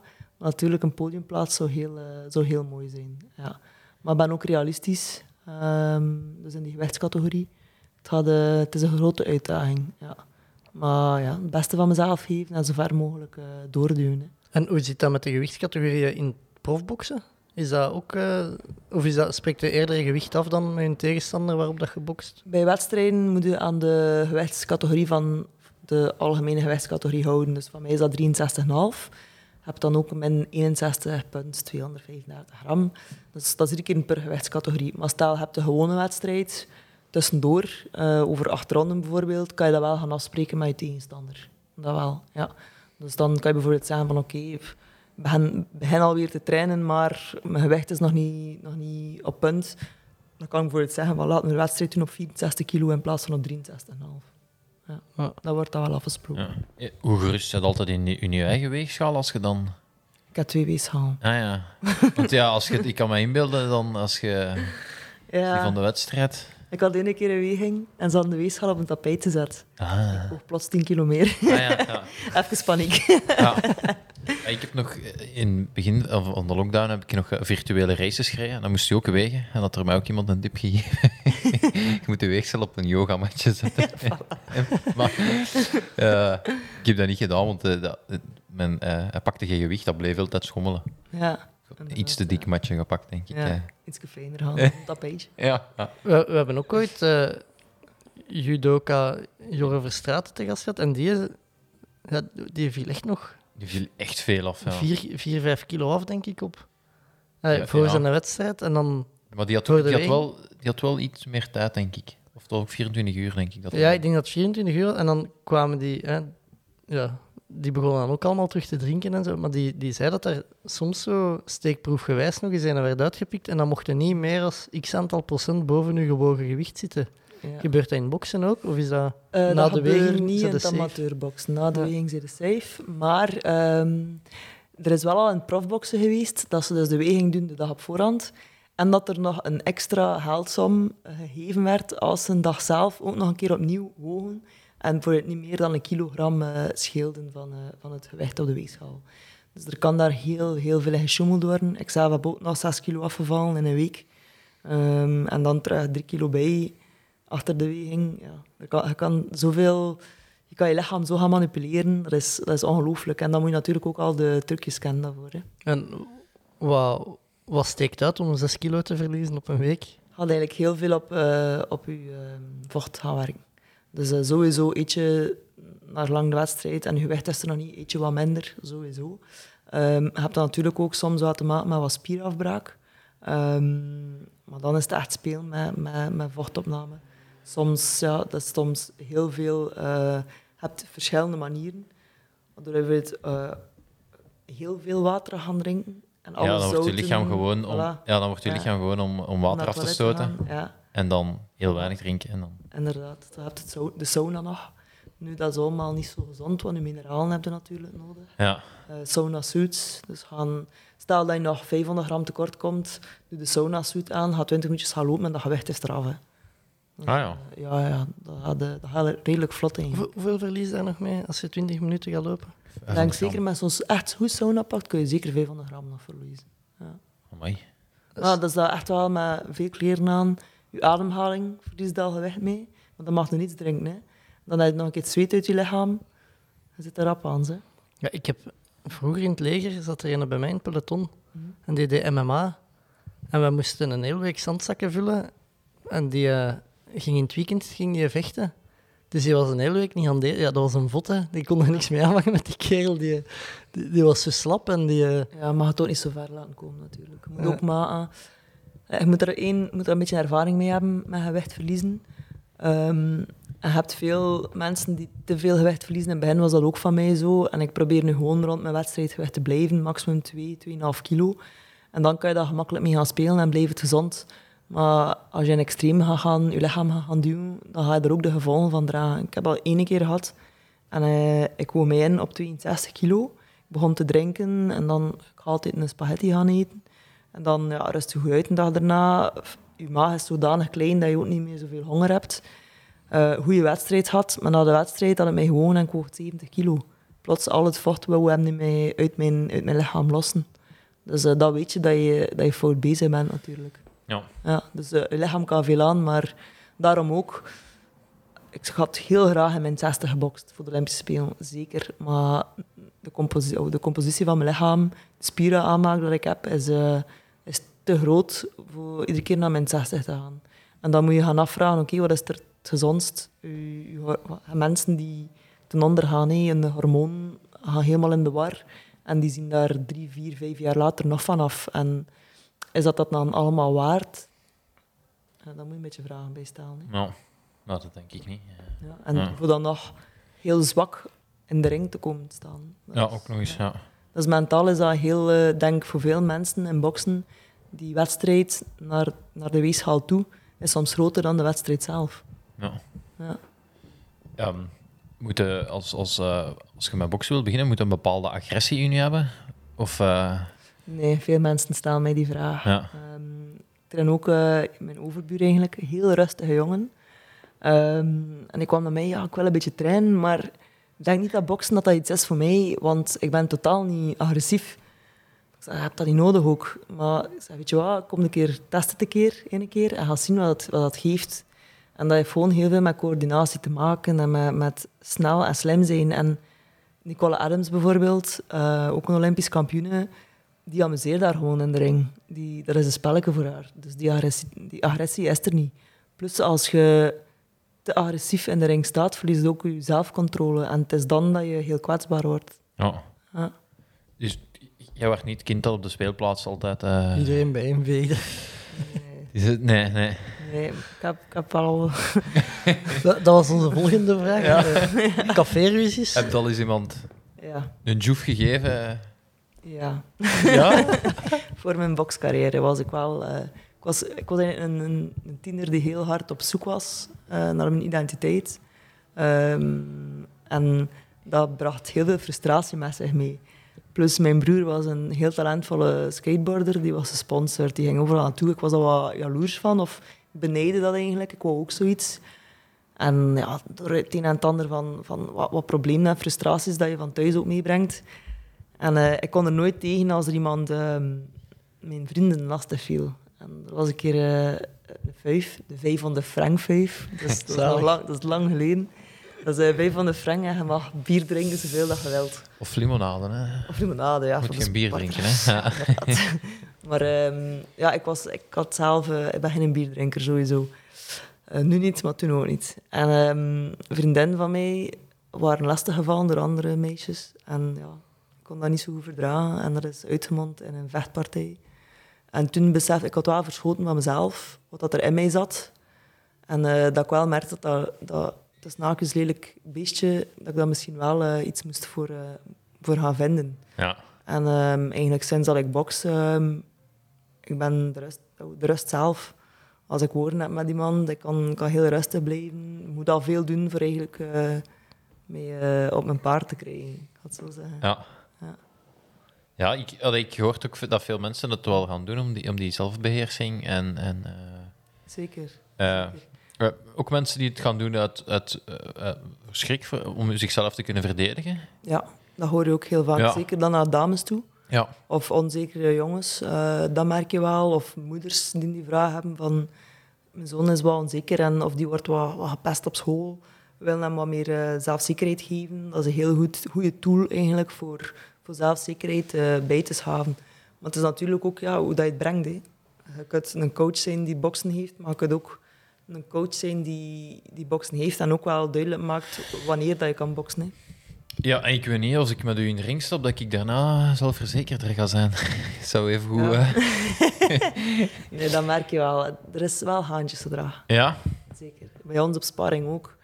Ik weet, als ik tegen jongens spar en ik doe die jongens pijn, ook al is dat per ongeluk, dat ik te hard sla op een bepaald moment, mag ik rekenen op een, op een soort van revenge. Omdat ze er toch willen bewijzen van oei. En dan, eh, gelukkig is mijn coach altijd paraat en, en kijkt hij altijd naar, naar de training en, en naar de wedstrijdsparring. Maar soms, is dat, soms gaat er wel echt heftig aan toe. Ja. En, eh, je merkt dat bij jongens, die, die kunnen dat blijkbaar niet goed verdragen als een meisje op een bepaald moment in die ring, ook al is het maar een seconde, net iets beter is, dan moeten ze er precies soms een keer eh, bewijzen. Ja. Dat is heel gek. Ja, over het gegeven, mannen tegen vrouwen, ik denk dat iedereen zich wel Tom Waas herinnert, die... eh, voor welk... Tegen Vrijen. Ja, die, ja, die had toch een goede Ja? pakslag gekregen, denk ik. Maar Nee. Tom Waas heeft tegen de... Dat was een Nederlandse, die was toen wereldkampioen boksen voor Tom Testeron, denk ik. Wat, als die ook niet gaan trainen tegen Anne Verheijen, iemand uit het, uit het eh, Limburgse. Dat zou kunnen... Ja, ik- En dan misschien tegen een Hollandse. Dat wel- Ja, ik denk dat zijn Ja. wedstrijd tegen een Hollandse was. En, Ja. ja, ik, vond, ik vond eigenlijk dat hij nog lang recht bleef staan. Allee, Ja. voor, ik Ja. vond dat hij goed kon incasseren, ik zal het zo zeggen. Eh, Het is ook een, een iemand die ervoor gaat. Hè. Ja, ja. Tom is iemand, als hij zegt van ik ga het doen, dan, dan doet hij het niet 100%, maar 150%. Dus mentaal staat hij er al. En dan traint hij er ook voor en, en doet, dat eigenlijk, doet hij dat bijzonder goed. Eh, het is een beetje een mannetje van alles ook. Hè. ik, ik denk Maar als, ik kan me, ik kan me als een inbeelden... van dat- ons twee zegt, Oshin, we eh, gaan in de ring, het zou rap gedaan zijn, denk ik. Ja, en ook Ja. het feit dat ik er 100% voor ga, is volgens mij mijn nadeel, want dan...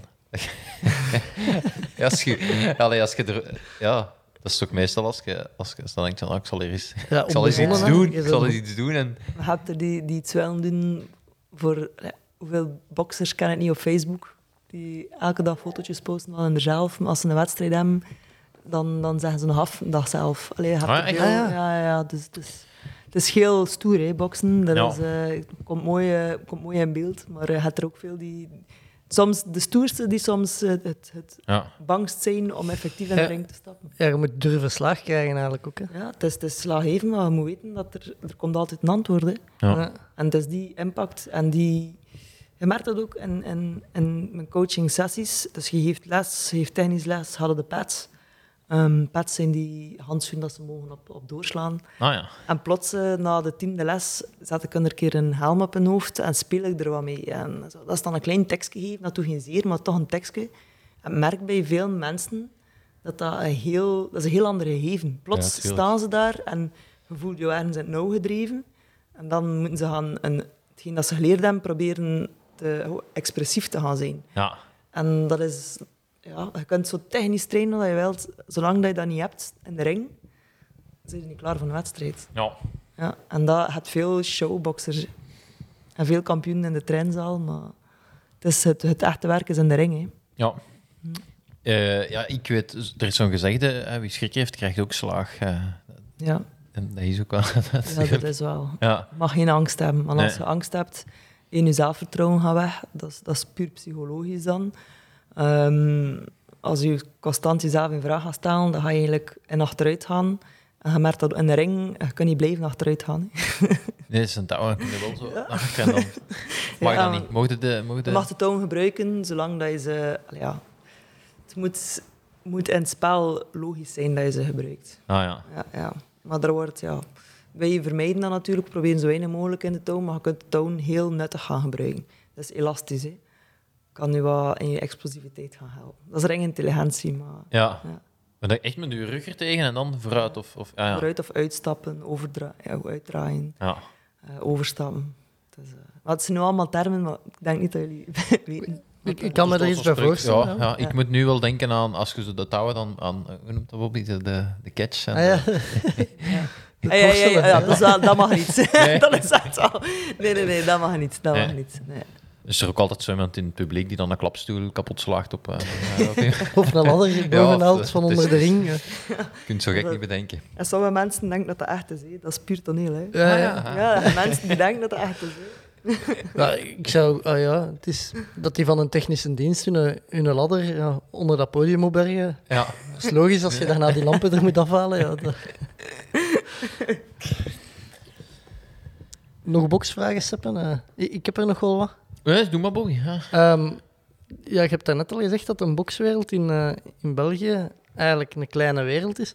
Heb je veel contact dan met ja, de mensen die wij kennen? Freddy de Kerpel, eh Delphine Persoon, Sugar Jackson. Firma Kret. Eh, allee, is dat, of is dat echt iedereen op zijn eigen? En, en... Ik heb de indruk, toen dat ik beslist heb voor in Frankrijk te gaan trainen, dat dat voor mij wel... ehm, dat dat een beetje... Een, een- grens, die grens die er letterlijk is, is er ook wel gekomen in het contact met de Belgische boksport. Dat merk ik wel. Maar uh, like Delphine die trainen ook eh, bij squats, dus die zie, ik nu eenmaal per week. Maar veel contact hebben wij absoluut niet. Ehm, Is dat dan een stare-down als je binnenkomt? eh? ja, heel stoer.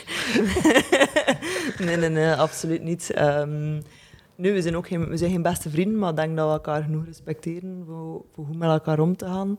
Een beetje Wout en Mathieu. Ja, misschien. Ja, maar denk, er is ergens een soort van rivaliteit onder ons en ik snap niet hoe, van waar of hoe dat komt. Maar, want we zijn ook niet in dezelfde gewichtsklasse. Maar er is like altijd zo een, een... Misschien is dat een gezonde spanning, ik weet het niet. Misschien is dat ook omdat we in het begin heel veel vergeleken waren met elkaar. Dat we in het begin in dezelfde club trainden. Dus dat was misschien wel iets dat, dat, dat daar een, een basis voor gevormd heeft. Maar ja, ik heb mijn box, zij heeft daar een box. Ehm, en dat is nu, ja... We praten nu een keer over dat boksen. En, en we hebben ook een andere visie over het boksen. Ehm, dus ja, we komen daar wel goed in overeen. Eh, en Freddy heb ik gezien ehm, als ik moest wedstrijd doen in Gent. Ja, die stuurt eh, dan af en toe een keer een WhatsApp-berichtje. dat is wel een keer grappig. maar anders heb ik niet zo heel veel, eh, niet zo heel veel contact met mensen. eh. En je hebt ook nog, hoe noemt hem? Man Alforman. Eh ook een Gentenaar. Die is zo'n staartje. Ah, Ismail Abdul. Nee, nee, nee. nee. Nee? Die, die waren met heel veel Ah, kinderen ja. thuis. Eh, Eh, Bones. ja. Ik heb daar nog mee gespart vroeger en oefening mee gedaan in Deinze. En ja. bokst die nog, of is die, heeft per training. totaal geslagen? dus niet per totaal. Ik denk dat hij op het juiste moment de stap naar coaching over, gemaakt heeft. Want die was toch nog niet zo oud ook? Of? Nee, maar hij is heel, heel jong begonnen aan een Ah, profcarrière. oké. Ook heel weinig amateurwedstrijden voordat hij prof gegaan is. Ehm, maar nu doet hij geen eh profkampen meer. Nee, die is nu coach bij Woest, noemt dat. Ah, ja. En eh, is, er- heeft elke bokser een teller of zo? Allee, in de zin van hoeveel slagen dat je kunt Ja. krijgen in je carrière?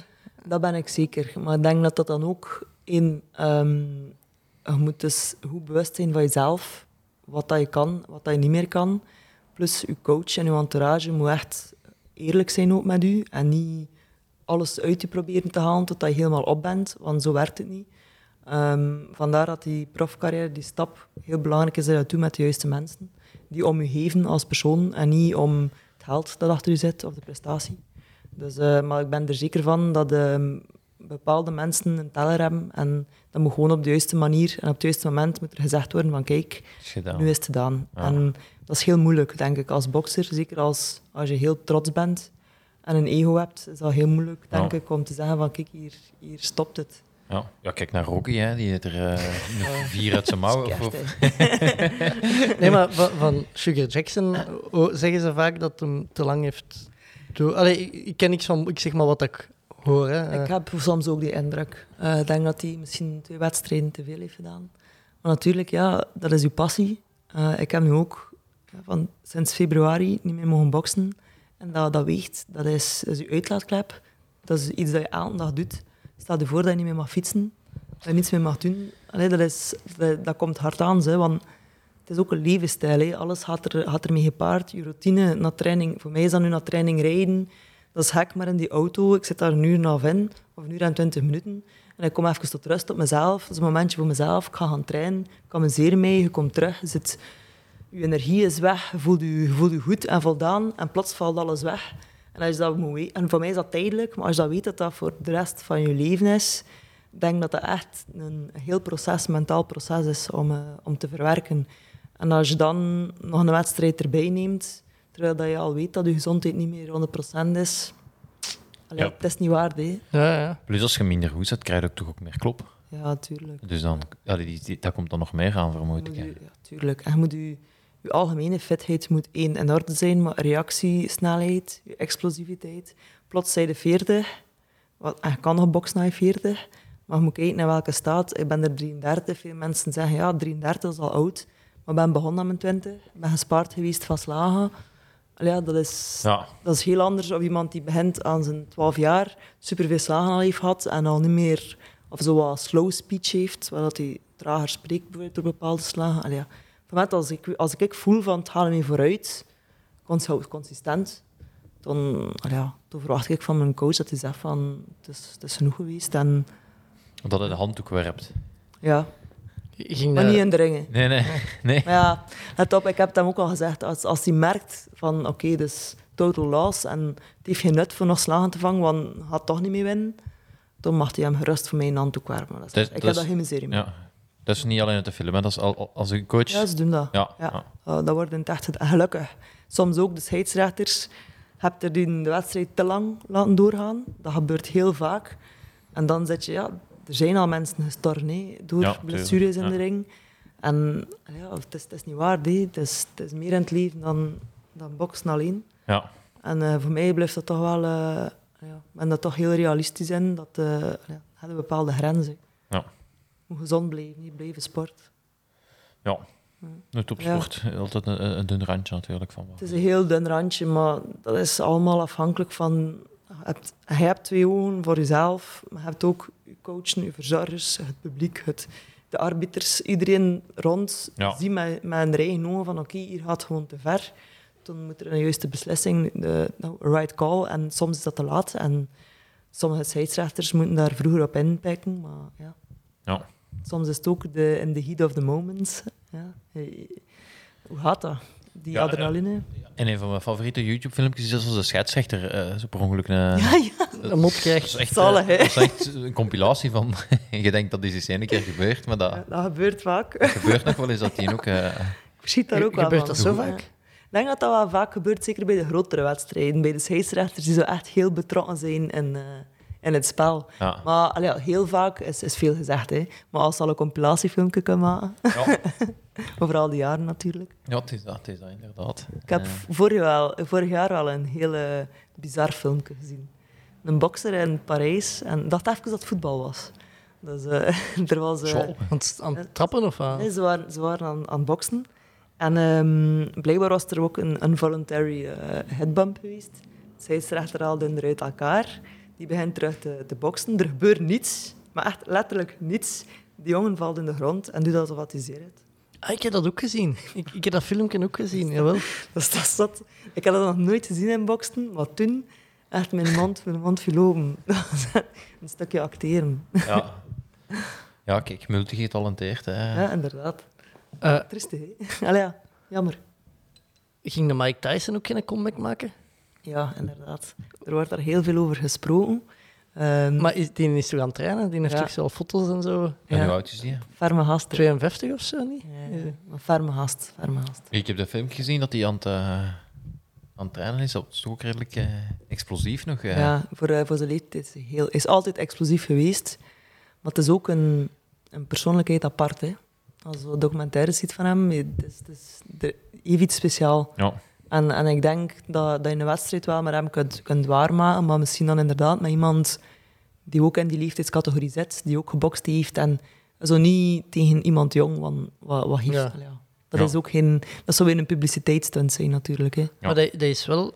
Soms verzeilig ik zo eens in boxfilmpjes op YouTube en dan komen zo oude video's van de Mike Tyson. Dat is echt mega indrukwekkend. Hoe snel dat hij is voor een zwaargewicht. eh. Ja, dat is heel uniek. Ah ja, als hij op met een kop slaagt, volgens mij is met een kop eraf. Hè. De, Ja. Die, die gebruikt zijn lichaam zo goed in zijn slagen. Hij ziet dat mooi aan de manier dat, hij, dat hij zijn bekken indraait. Hoe dat hij ook zit op zijn been. Dus die staat niet helemaal recht. Want die kracht komt vanuit je quadriceps en vanuit je been. En echt die, die draaibeweging die je maakt in je, in je lichaam. En die is daar heel vlot in. Dat is oh, niet vlot, die is explosief gewoon. En dat is iets eh, heel uniek voor een zwaargewicht. Zeker, ja, zeker weten. Eh, nog iets anders, Oshin. Je hebt daarnet al gezegd, eh uw vrouw Charlotte, dat die ooit ringmeisje is geweest. Hè? Qua, qua steun kan dat al tellen, maar wat vindt hij ervan eh, als, ja, Dat een vrouw slaag krijgt. Dat ja, ze- als hij slaag ziet krijgen of slaag ziet uitdelen? eh, Ehm, eerst en vooral, als ik Charlotte leerde kennen, had ze mij al verteld dat zij boksen als dat waanzinnig chic vond. En dat ze eigenlijk graag zelf ook had gebokst. Dus dat was al een goede reactie op het feit dat ik bokste. was, dat, was dat al een move? Of was dat...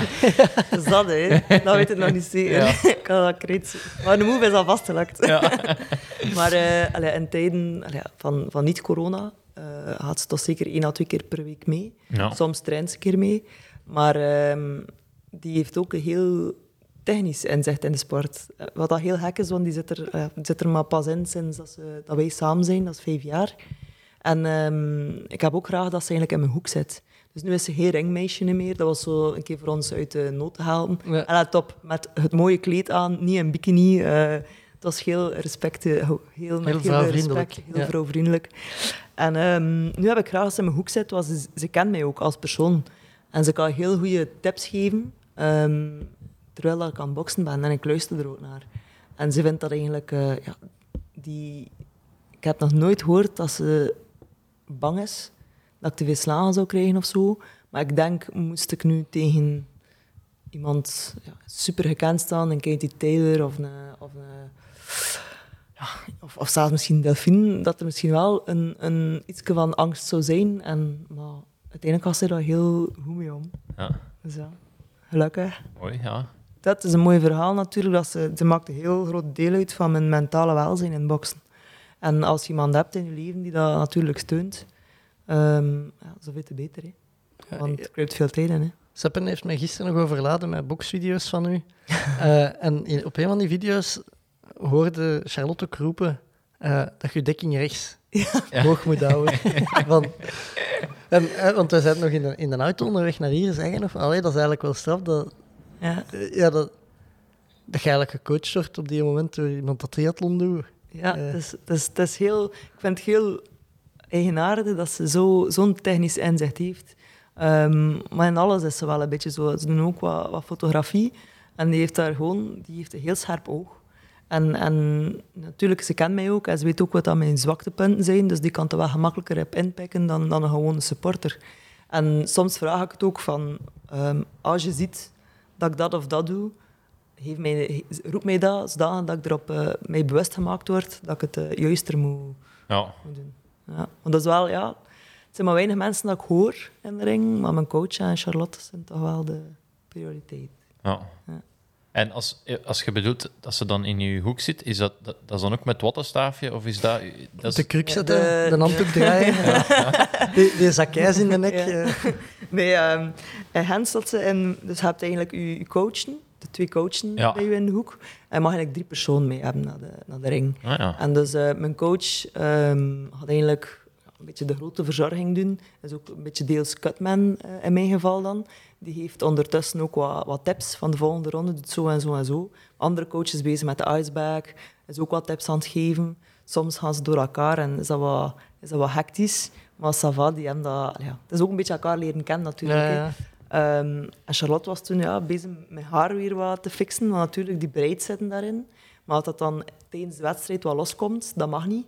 Dus die, die fixt dat vlug wat met haar en ondertussen is ze ook wat, wat Ja. aan het influisteren. En, en, ja, dat is, wel, dat is, het is tof, hè. Het is, het is Ja. een familiegebeuren. Ik vraag me altijd af, als je dan zo, zo een klein jeuk op je rug hebt zo, en je kunt Met dan met die handschoenen kun je niet krabben. Kun je zeggen dat het dan van... Maar hij ook te winnen, de wedstrijd. Nee, nee. Absoluut niet. Ja, Eh, oké. Nog een v- een vraagje. Hoe, hoe hard heeft de, de corona impact gehad op de boksport in, Bel- in België of op uw, eh, de trainingen? En... toch wel een grote impact. Dus, ehm, in Frankrijk hebben ze alles moeten sluiten. Dus, eh, zoals dat geweten is, zij mochten één kilometer Ja, ja, van de hun 1-1 huis weg. regel of zoiets. die. inderdaad. Die is streng gevolgd geweest. Dus ehm, daar is de boksport eigenlijk stilgevallen. En ernst, dat is erg, hè. Maar ik was blij. Want ik had een blessure. Ik was al gefrustreerd omdat ik thuis zat. Ik kom al gekker. Als iedereen mag blijven doortrainen en hij zit hier in de zetel. Weet je, dat is, dat Ja, gevoel. Dus ergens was ik egoïstisch blij. Ehm, Maar ehm, als ik dan terug op training kwam, de eerste keer in de zomer, merkte ik dat ik eigenlijk qua conditie en kracht stond ik verder dan hen. Omdat ik heb kunnen blijven doortrainen in squat. En gelukkig Ah, ja. Ehm, maar in België zelf, ehm, de Vlaamse ploeg heeft kunnen met een attest kunnen blijven doortrainen. Ehm, dus dat was wel positief voor hen. Maar veel, ja, veel van de zalen hebben moeten sluiten of non-contact, eh, eigenlijk zonder contact bokstraining. Wat dan niet slecht is, hè. want dan kun je eigenlijk goed gaan focussen op, eh, op techniek. Ja. Zonder dat in, in, ja, in duo-spel eigenlijk te brengen. Maar denk wel naar wedstrijden toe, qua organiseren, dat is niet haalbaar. Hè. Enkel de grote promotors, zoals een Eddie Huiren, kan alles pay-per-view maken en er nog geld uit krijgen. Maar hier in België, pay-per-view, wie gaat er pay-per-view betalen om aan box, boxsport te kijken? Als je dat zou zeggen voor voetbal, ja, en voor wielrennen of het een of het ander. Maar hier in België is die sport niet, niet geliefd genoeg om, eh, om zoiets te, te gaan bereiken. eigenlijk. Pay-per-view is wat dat ze met McGregor en Ja. dingen gedaan hebben, dat je via 11 of zo 20 euro en dan kon je Inderdaad. kijken. Ja. Dat- is eh, heel handig, een goede inkomstenbron. Maar zonder inkomsten kan je ook niet organiseren. Nee, nee, nee, inderdaad. Ja. Ehm, ja, nog, nog iets, eh, iets anders. Je zei ambassadrice van Out for the Win, Ja. samen met Charlotte. Ja. Kun je daar iets over vertellen? Of? Ja. Zeker. Ehm, dat is eigenlijk een, een vereniging die ontstaan is eigenlijk door twee vriendinnen van ons, Sharon en Arlena. En die zetten zich eigenlijk in om mensen die in de closet zitten, ehm holibies en transseksueel en zo, ehm, die hebben eigenlijk een platform opgesteld. En atleten die hun verhaal willen publiek maken, hebben dat gedaan. En ze spreken wel een aantal mensen aan, zowel nationaal als internationaal. En het is eigenlijk de bedoeling aan de hand van onze verhalen dat eigenlijk te gaan sensibiliseren. Omdat in sport is eh, uit de kast komen nog altijd een Beetje grote taboe. Zeker naar, eh, als je kijkt voor sponsors. Ehm, als je kijkt naar Amerika bijvoorbeeld, heel veel eh, sporters die gewoon in een depressie gaan omdat ze er zelf niet kunnen zijn in hun, in hun leven. En zij proberen eigenlijk aan de hand van onze verhalen eigenlijk mensen te stimuleren om die angst te doorbreken en dat allemaal te sensibiliseren. En dat lukt wel aardig, maar ik merk toch dat veel atleten, eh, zeker internationaal, toch wachten tot na hun carrière om dan eigenlijk uit de kast te komen. Ja. Ehm, maar er is daar heel veel, eh, er is daar heel veel rond te doen. Eh, en triestige cijfers ook. En, en we hebben een documentaire gezien ook daarover. Ehm, en Alone in the Game noemt dat. Een werkend voetbalspeler die, die voor het gay is, maar die niet kan, die niet kan vertellen tijdens zijn carrière. Zo hebben ze dan anoniem geïnterviewd. Dat hij ook letterlijk zei dat hij hem zichzelf niet kan zijn, dat dat een deel, een percentage van zijn kwaliteiten eh, tegenhoudt. En dat is triestig om te horen natuurlijk. Als je dan Ja. ook hoort dat een basketbalster er wel voor uitgekomen is en uit de club eigenlijk, of uit, de, uit het team gestoten wordt. Allee, dat, is, dat, is dat zijn triestige verhalen, zeker 2020. Ja. Ja, ja. En, en merk je zelf eh, persoonlijk nog, nog veel... Ik heb eigenlijk heel veel geluk gehad in mijn leven, omdat ik, ik ben een beetje opgegroeid in een holibi-wereld. Mijn, mijn mama had veel eh eh, holibi-vrienden. En bij mij is dat uit de kast komen was eigenlijk... Ja, het zat, zat geen, geen slot op mijn kast, ik had zo zeggen. Ja. Het, was, het was heel vlot gegaan. Ehm, maar ik merk wel, als wij samen uitgaan bijvoorbeeld, pre-coronatijd natuurlijk, dat wij soms heel veel bekijks hebben. En, en wij kunnen bijvoorbeeld niet zomaar gaan dansen op een tussen haakjes hetero feestje, omdat we soms zelfs gewoon gefotografeerd worden. Of mensen zien ons dan meer als een soort van lustobject. En je voelt je dan ook niet meer op je gemak. Eh, en dat, dat, is wel, dat is wel lastig. Ja. Ja. Naar mijn sport zelf toe. Ik train in een Noord-Franse club. Dus heel veel ehm, eh, moslims die daar trainen. En voor mezelf had ik zoiets van... "Oh, moet ik dat wel zeggen? En is dat wel nodig? Maar ik ben ook een open boek. En ik heb graag de mensen die dicht bij mij staan, dat ze mij kennen zoals ik echt ben, 100 procent. maar mijn trainer, die, die is zelf moslim, is in de 60 jaar mega open-minded. We hebben zelf dezelfde- een beetje dezelfde levensfilosofie. heeft daar nooit een probleem van gemaakt. En als er een opmerking komt van iemand die daar ook traint, wordt hij er direct op aangesproken. Dus, eh, dat Of. Ja, dat is- nee, nee, nee, dat mag niet. nee, maar dat is... eh, ja, voor, veel mensen is het anders. Ja, ja. Ik heb daar echt kijk, handjes op tafel ook. eh, ben heel dankbaar voor, voor de entourages dat ik tot nu toe heb, gehad heb. Ja. En dat ik er nooit eigenlijk heb moeten mee, mee inzetten. Ja. Ja. Ja, ik verschiet er wel van als je dat, nog, als, dat je dat vertelt van als je uitgaat en zo, dat dat toch nog... Ja, het is, het is, Dat, wij, wij denken daar niet bij na. Allee, ja, Nee, nee, nee. Ja. Niet, maar dat is, ja, dat is gewoon niet, niet, niet prettig. Als je dan, allee, je hebt je leidt al een redelijk strikt leven en gaat veel gaan trainen en je zoekt dan een keer ontspanning op. En je wilt dan ontspannen zijn en ga mee met je, met je vrienden naar een feestje en ze staan daar gewoon, ja, het is like, na- dat ze dan een, een pornofilm zo kijken. Allee, ja, dat is raar om te zeggen, maar dat is heel, dat is frappant en je voelt je direct, ik voel me direct onveilig en de sp- ik voel me direct gespannen en het feestje is dan gedaan voor mij. Dus eh, ik ga dan liever naar een holibi-feestje, waar je wel op je gemak bent. Eh, ja, en dat is, dat is jammer, hè. Ja, dat is Ja, Zeker eh, absoluut. 2020. En dat is nu, voor mij is dat nu mijn eerste probleem. Want er zijn veel andere atleten die het nog erger ga- gaan ervaren. Hè. Ja, als je vertelt dat eh, soms sponsors, eh, dat is iets waar ik bijvoorbeeld nog niet over na had gedacht, dat dat Ja, een rol zou spelen bij... ja, je bent een rolmodel. Ja. Bijvoorbeeld in Amerika is dat, dat speelt. Hè. Je bent een rolmodel en plots doe je een coming-out, je sponsoring valt weg. Dat is je inkomsten hè, die, die wegvallen. Ja. Eh, dat heeft daar heel veel mee te maken. Ze willen dat mooi portretje soms tonen. En, en holibi zijn hoort dat soms niet bij. Ja. Soms te staten en Ja. soms nou, nog veel werelddelen.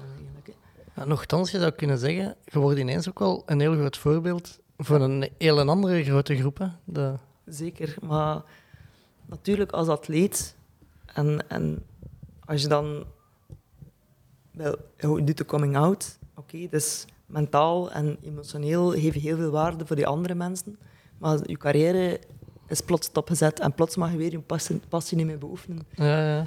Het is, een heel, het, is, het is een moeilijke weegschaal van wat is er nu net belangrijker. En vandaar dat er veel atleten wachten tot na hun competitieve carrière. En dan worden ze inderdaad wordt er geapplaudisseerd. En meestal wordt dat waarschijnlijk ook nog geapplaudisseerd door de clubgenoten zelf. Maar je ging het misschien moeten doen in Ja. dat hij competitie doet, of zij competitie doet, dan ging ze misschien zeggen van ja, maar we douchen niet meer samen bijvoorbeeld. Ja. Ja. Het is een heel, het is Maar een heel bizarre, bizarre gegeven. Hè. Ik vind ook straf dat je dat kunt verstoppen. Eh, Dat is moeilijk om te verstoppen. Ah ja, dat, neemt heel veel energie. En vandaar, Ja. die energie kun je dan niet steken in de juiste dingen. nee, En, uiteraard. oh, ik ben ook iemand die heel... Ik, ben, ik vind een goede energie heel belangrijk. En ik kan me niet inbeelden als ik mezelf moet verstoppen achter een ander beeld dat ik mij 100% zou kunnen, kunnen, kunnen geven in mijn sport. Ja. Het is, eh, sporten is meer dan enkel je lichaam. ja, zeker. Ja. Zo. Ik heb nog een, een andere vraag. Het is een beetje van de nak op de tak nu, maar eh, je zit nu in, in het Olympisch boksen. Als je terug in het profboksen komt, kom je daar dan terug met dezelfde stats? Allee, je wereldtitel heb je moeten afgeven, maar je behoudt wel Ja, al de rest dat je hebt opgebouwd, veronderstel ik. dankzij corona. ja, momenteel, stel nu... ehm, ik heb ook eh, twee jaar geleden een blessure gehad, dus heb ik iets langer eh, een pauze gehad tussen mijn twee profwedstrijden. Als er dan op dat moment in uw gewichtsklasse een wedstrijd is, worden die punten weer al aangepast. En dan natuurlijk kom je terug wat beneden in de, in de ranking te staan. Ehm, en daarom ook, stel dat ik zou horen in februari, de Olympische Spelen, het is, het is geannuleerd. Het eerste dat ik doe is weer een profwedstrijd doen en mij zo hoog mogelijk terug te krijgen in die ranking. Want eens dat je op de top, eh, in de top 5 staat, gaan er heel wat deuren open natuurlijk. Hè. En dat is eh, na het Olympisch traject ook, als alles goed verloopt. En stel dat lukt op die Olympische Spelen eh, en je naam is wat gemaakt en, en gaat dan over terug naar die profcarrière, kan je een mooie, kan je mooie aanbieding krijgen. Ook. Ja. Dat is een beetje mijn... ook Sowieso ga ik terug naar mijn profcarrière. Ja. Ja. Het eindigt niet eh, op de Olympische Spelen. Nee. ja en ik heb gisteren geweld, ze gaan iedereen vaccineren en het komt in orde voor de Spelen. eh. Dat is goed. ja. Ja, maar het is, het is, het is zo... Het is moeilijk. Alles is zo onvoorspelbaar. ja, absoluut. Ja. Ja. En, en ik denk dat, dat er voor veel mensen hebben geen perspectieven en ze weten niet waar naartoe. Voor mij is het ook moeilijk. Ik heb nu een wedstrijd gepland in, in november. Topsport Vlaanderen staat erachter. Eh, ze willen dat doorgaat en ik hoop dat het gaat doorgaan. Maar voor mij is dat weer terug een eerste stap in de ring, competitief gezien dan. Ehm, maar als je geen wedstrijden voor, voor de boeg hebt, zit aan het trainen, maar wanneer ga je pieken? Hè? Ja, ja, tuurlijk. Het is, ik vind het heel moeilijk om u, om u te smijten, om u, allee, je, u, u bezighouden en, en, en sporten. Je doet dat uiteindelijk graag. En, maar zo u, u voorbereiden op een keer door de muur gaan is, eh, Dus is moeilijk. is moeilijk, ja. ja. Ja. Daarom dat ik ook wel blij ben dat, dat ik wat extra tijd gekregen heb eh, Ja. naar mijn herstel toe. Dat voor mij pas in mei begint eigenlijk. Omdat, ja, ik merk dat ook. Dat is, alles komt zo weer trager op gang. Als ik een profwedstrijd heb, normaal heb ik nu in oktober altijd één. En, of, en toen nog een keer in november. En dan nog een keer in februari. En je weet, toen kan je pieken. Toen kan je even, toen in november doen we meestal drie weken even eh, op verlof. Alles los, voor dan er terug weer in te pikken. Maar nu ja, ik kan niets in plan. Ja. Eh, totaal niets. Ja. On- en volledig ontspannen kan je eigenlijk ook niet echt. Maar je moet bezig blijven, voor in dat ritme te blijven. En, en Ja. het is heel moeilijk. Het is, eh, ik, vind, ik vind het heel... En nu... Het is nu nog lastiger dan voor de zomer. Ja, Ja, ben ik het mee eens. Ja. ja. Het is zo uitzichtloos. hè. Ja, ja. Zeker. Het is ja, terug een beetje... Allee, ze zijn terug aan, aan het terugschroeven, de, allee, aan het aandraaien eigenlijk, de maatregelen. Dus. Inderdaad. En er zijn veel mensen die zeggen, ah, het voetbal mag doorgaan, en het fietsen mag doorgaan, en dit mag doorgaan. Maar gelukkig, want dat zou niet mogen doorgaan, de rest zou ook niet mogen doorgaan. Ja, ja. Dus eigenlijk, het is, het is, het is, een beetje, het is altijd een dubbele standaard. Hè. Ja. Ehm, dus ja. En uw wedstrijd in november te- tegen wie? Het is een interland tegen Nederland. De, oeh. Klinkt Kijk al, spectaculair. ja, ik heb ook al zin. Mijn handen jeuken, of je zegt dat. Ehm, ik weet niet tegen wie, het zal iemand van eh, een team zijn daar. Ja, Ik heb geen naam gevraagd. En ik doe het eigenlijk eh expres niet, omdat je op toernooien ook niet weet tegen wie dat je komt te ah, staan. ja, dus ja. op profboxen kan je een beetje filmpjes van kijken ja. en voorbereiden. Maar ik wil mij echt eigenlijk van niets op de hoogte zijn in principe. Dat ik gewoon op het moment zelf in die 3x3 direct moet weten, direct moet die calculatie maken van oké, moet zo boksen, moet dat aanpassen, moet dat aanpassen. Ik zie het eigenlijk meer als een training dan, dan als een wedstrijd. Hè. ja. En waar gaat hem door? Dat weet ik nog allemaal niet. Dat wordt mij nog allemaal geïnformeerd. Een neutraal gebied dan? Of was... In Luxemburg. Stel je voor. Ja. Ik weet het nog niet. eh, Ze gaan mij daar aandacht voor. nee. Ik hoop het, dat ze mij nog gaan Ja. informeren. Dat het niet een dag zelf is. Nee. Goed. eh Seppe, voor de rest nog boksvragen? Ja, nee, nee, ik wil het eens doen. Hè, dat. Oshin, is er, is er iets dat jij nog kwijt wilt aan de, aan de luisteraars? Of? Ja, voor iedereen die twijfelt om een keer te boksen, zeker een keer proberen. Eh, dat is, het is echt het is, het is een heel complete sport. Het is heel leuk. En ja, zeker dames. We hebben damesboxers nodig in België. En het zou heel leuk zijn moesten we tijdens de, voor de volgende Olympische Spelen toch eh, een damesploeg hebben. Zoals andere landen. Want we hebben dat niet. Ja. Dat Ehm, aan hebben we het ook gevraagd. Die stelde nu voor. eh, als we aan u vragen, wie moeten we eens uitnodigen in de podcast? Ja, ik zou zeggen Charlotte. Ja, dat, had ik wel gedacht. ja, eh, Charlotte natuurlijk, door haar triathlon-carrière en ja, de manier ook hoe dat ze haar carrière beleeft en beleefd heeft en nog gaat beleven. Dus dat is zeker een aanrader. En daarnaast eh ja, Hanne Mesta van de Belgian Cats. Ehm, heel veel steun aan gehad ook. Ze heeft veel knieblessures gehad. Eh, dus ik hoor dat ook haar eh, regelmatig. En eh, ja, het is ook de beste vriendin van Charlotte was ook op onze trouw aanwezig, eh, was getuige. En ik heb daar ook wel heel veel steun aan gehad, ook omdat ze... Dat is ook iemand die veel meer moet werken voor haar positie te hebben in, de, in, in het team dan sommige anderen. En ik vind dat heel... eh, ik apprecieer dat. Ja. dat ook iets om na- naar op te kijken. Ja. Dus die twee. Ja. En zijn beste vriendin, hè. Ah ja, voilà. Ik kan een koffieklaars doen. We, we hebben een vierde micro, hè, dus... Ja. Ehm, de mensen die je willen volgen, waar kunnen die terecht? Ehm, best ben ik volgbaar via Instagram eigenlijk, eh, via Ocean gewoon. Ik ben daar het meest actief nu. Ik ben geen sterke social media mens, eh, of via Facebook, maar ben meer eh, actief eigenlijk via Instagram. Ik zou daar wel een beetje meer moeten aan werken. Maar... Oké. Goeie website ook wel. Hè. Ja, ja www.ocean.be en www.ocean3u.be. Ja, het zijn er eigenlijk twee. Ja. Goed. Ehm, dikke merci voor uw tijd, Oshin. veel plezier, merci om langs te komen. Graag gedaan. Seppe, merci om... eh, Ah nee, ik heb hem gereden vandaag. Moet jij mij bedanken. Merci, eh, merci Bobby om het tot in de kuren te brengen. Ik ga nu terug fietsen. Ja, dit was het voor mij voor deze week. Tot volgende week. Ze niet we het of doen we het niet? Tommeke, Tommeke, Tommeke, wat doe je nu? Tom Bonne gaat wereldkampioen worden. Hij rijdt 5 per uur. Te snel voor ons. Fred gaat. En nog Fred. Doe brug. Jeff doen is hier. Jeff. Wat is er mis met Dumoulin? Hollands poepen. Hij heeft diarree. Don't stand on my dog or I cut your head off. Daar is hem, daar is hem! Daar is hem!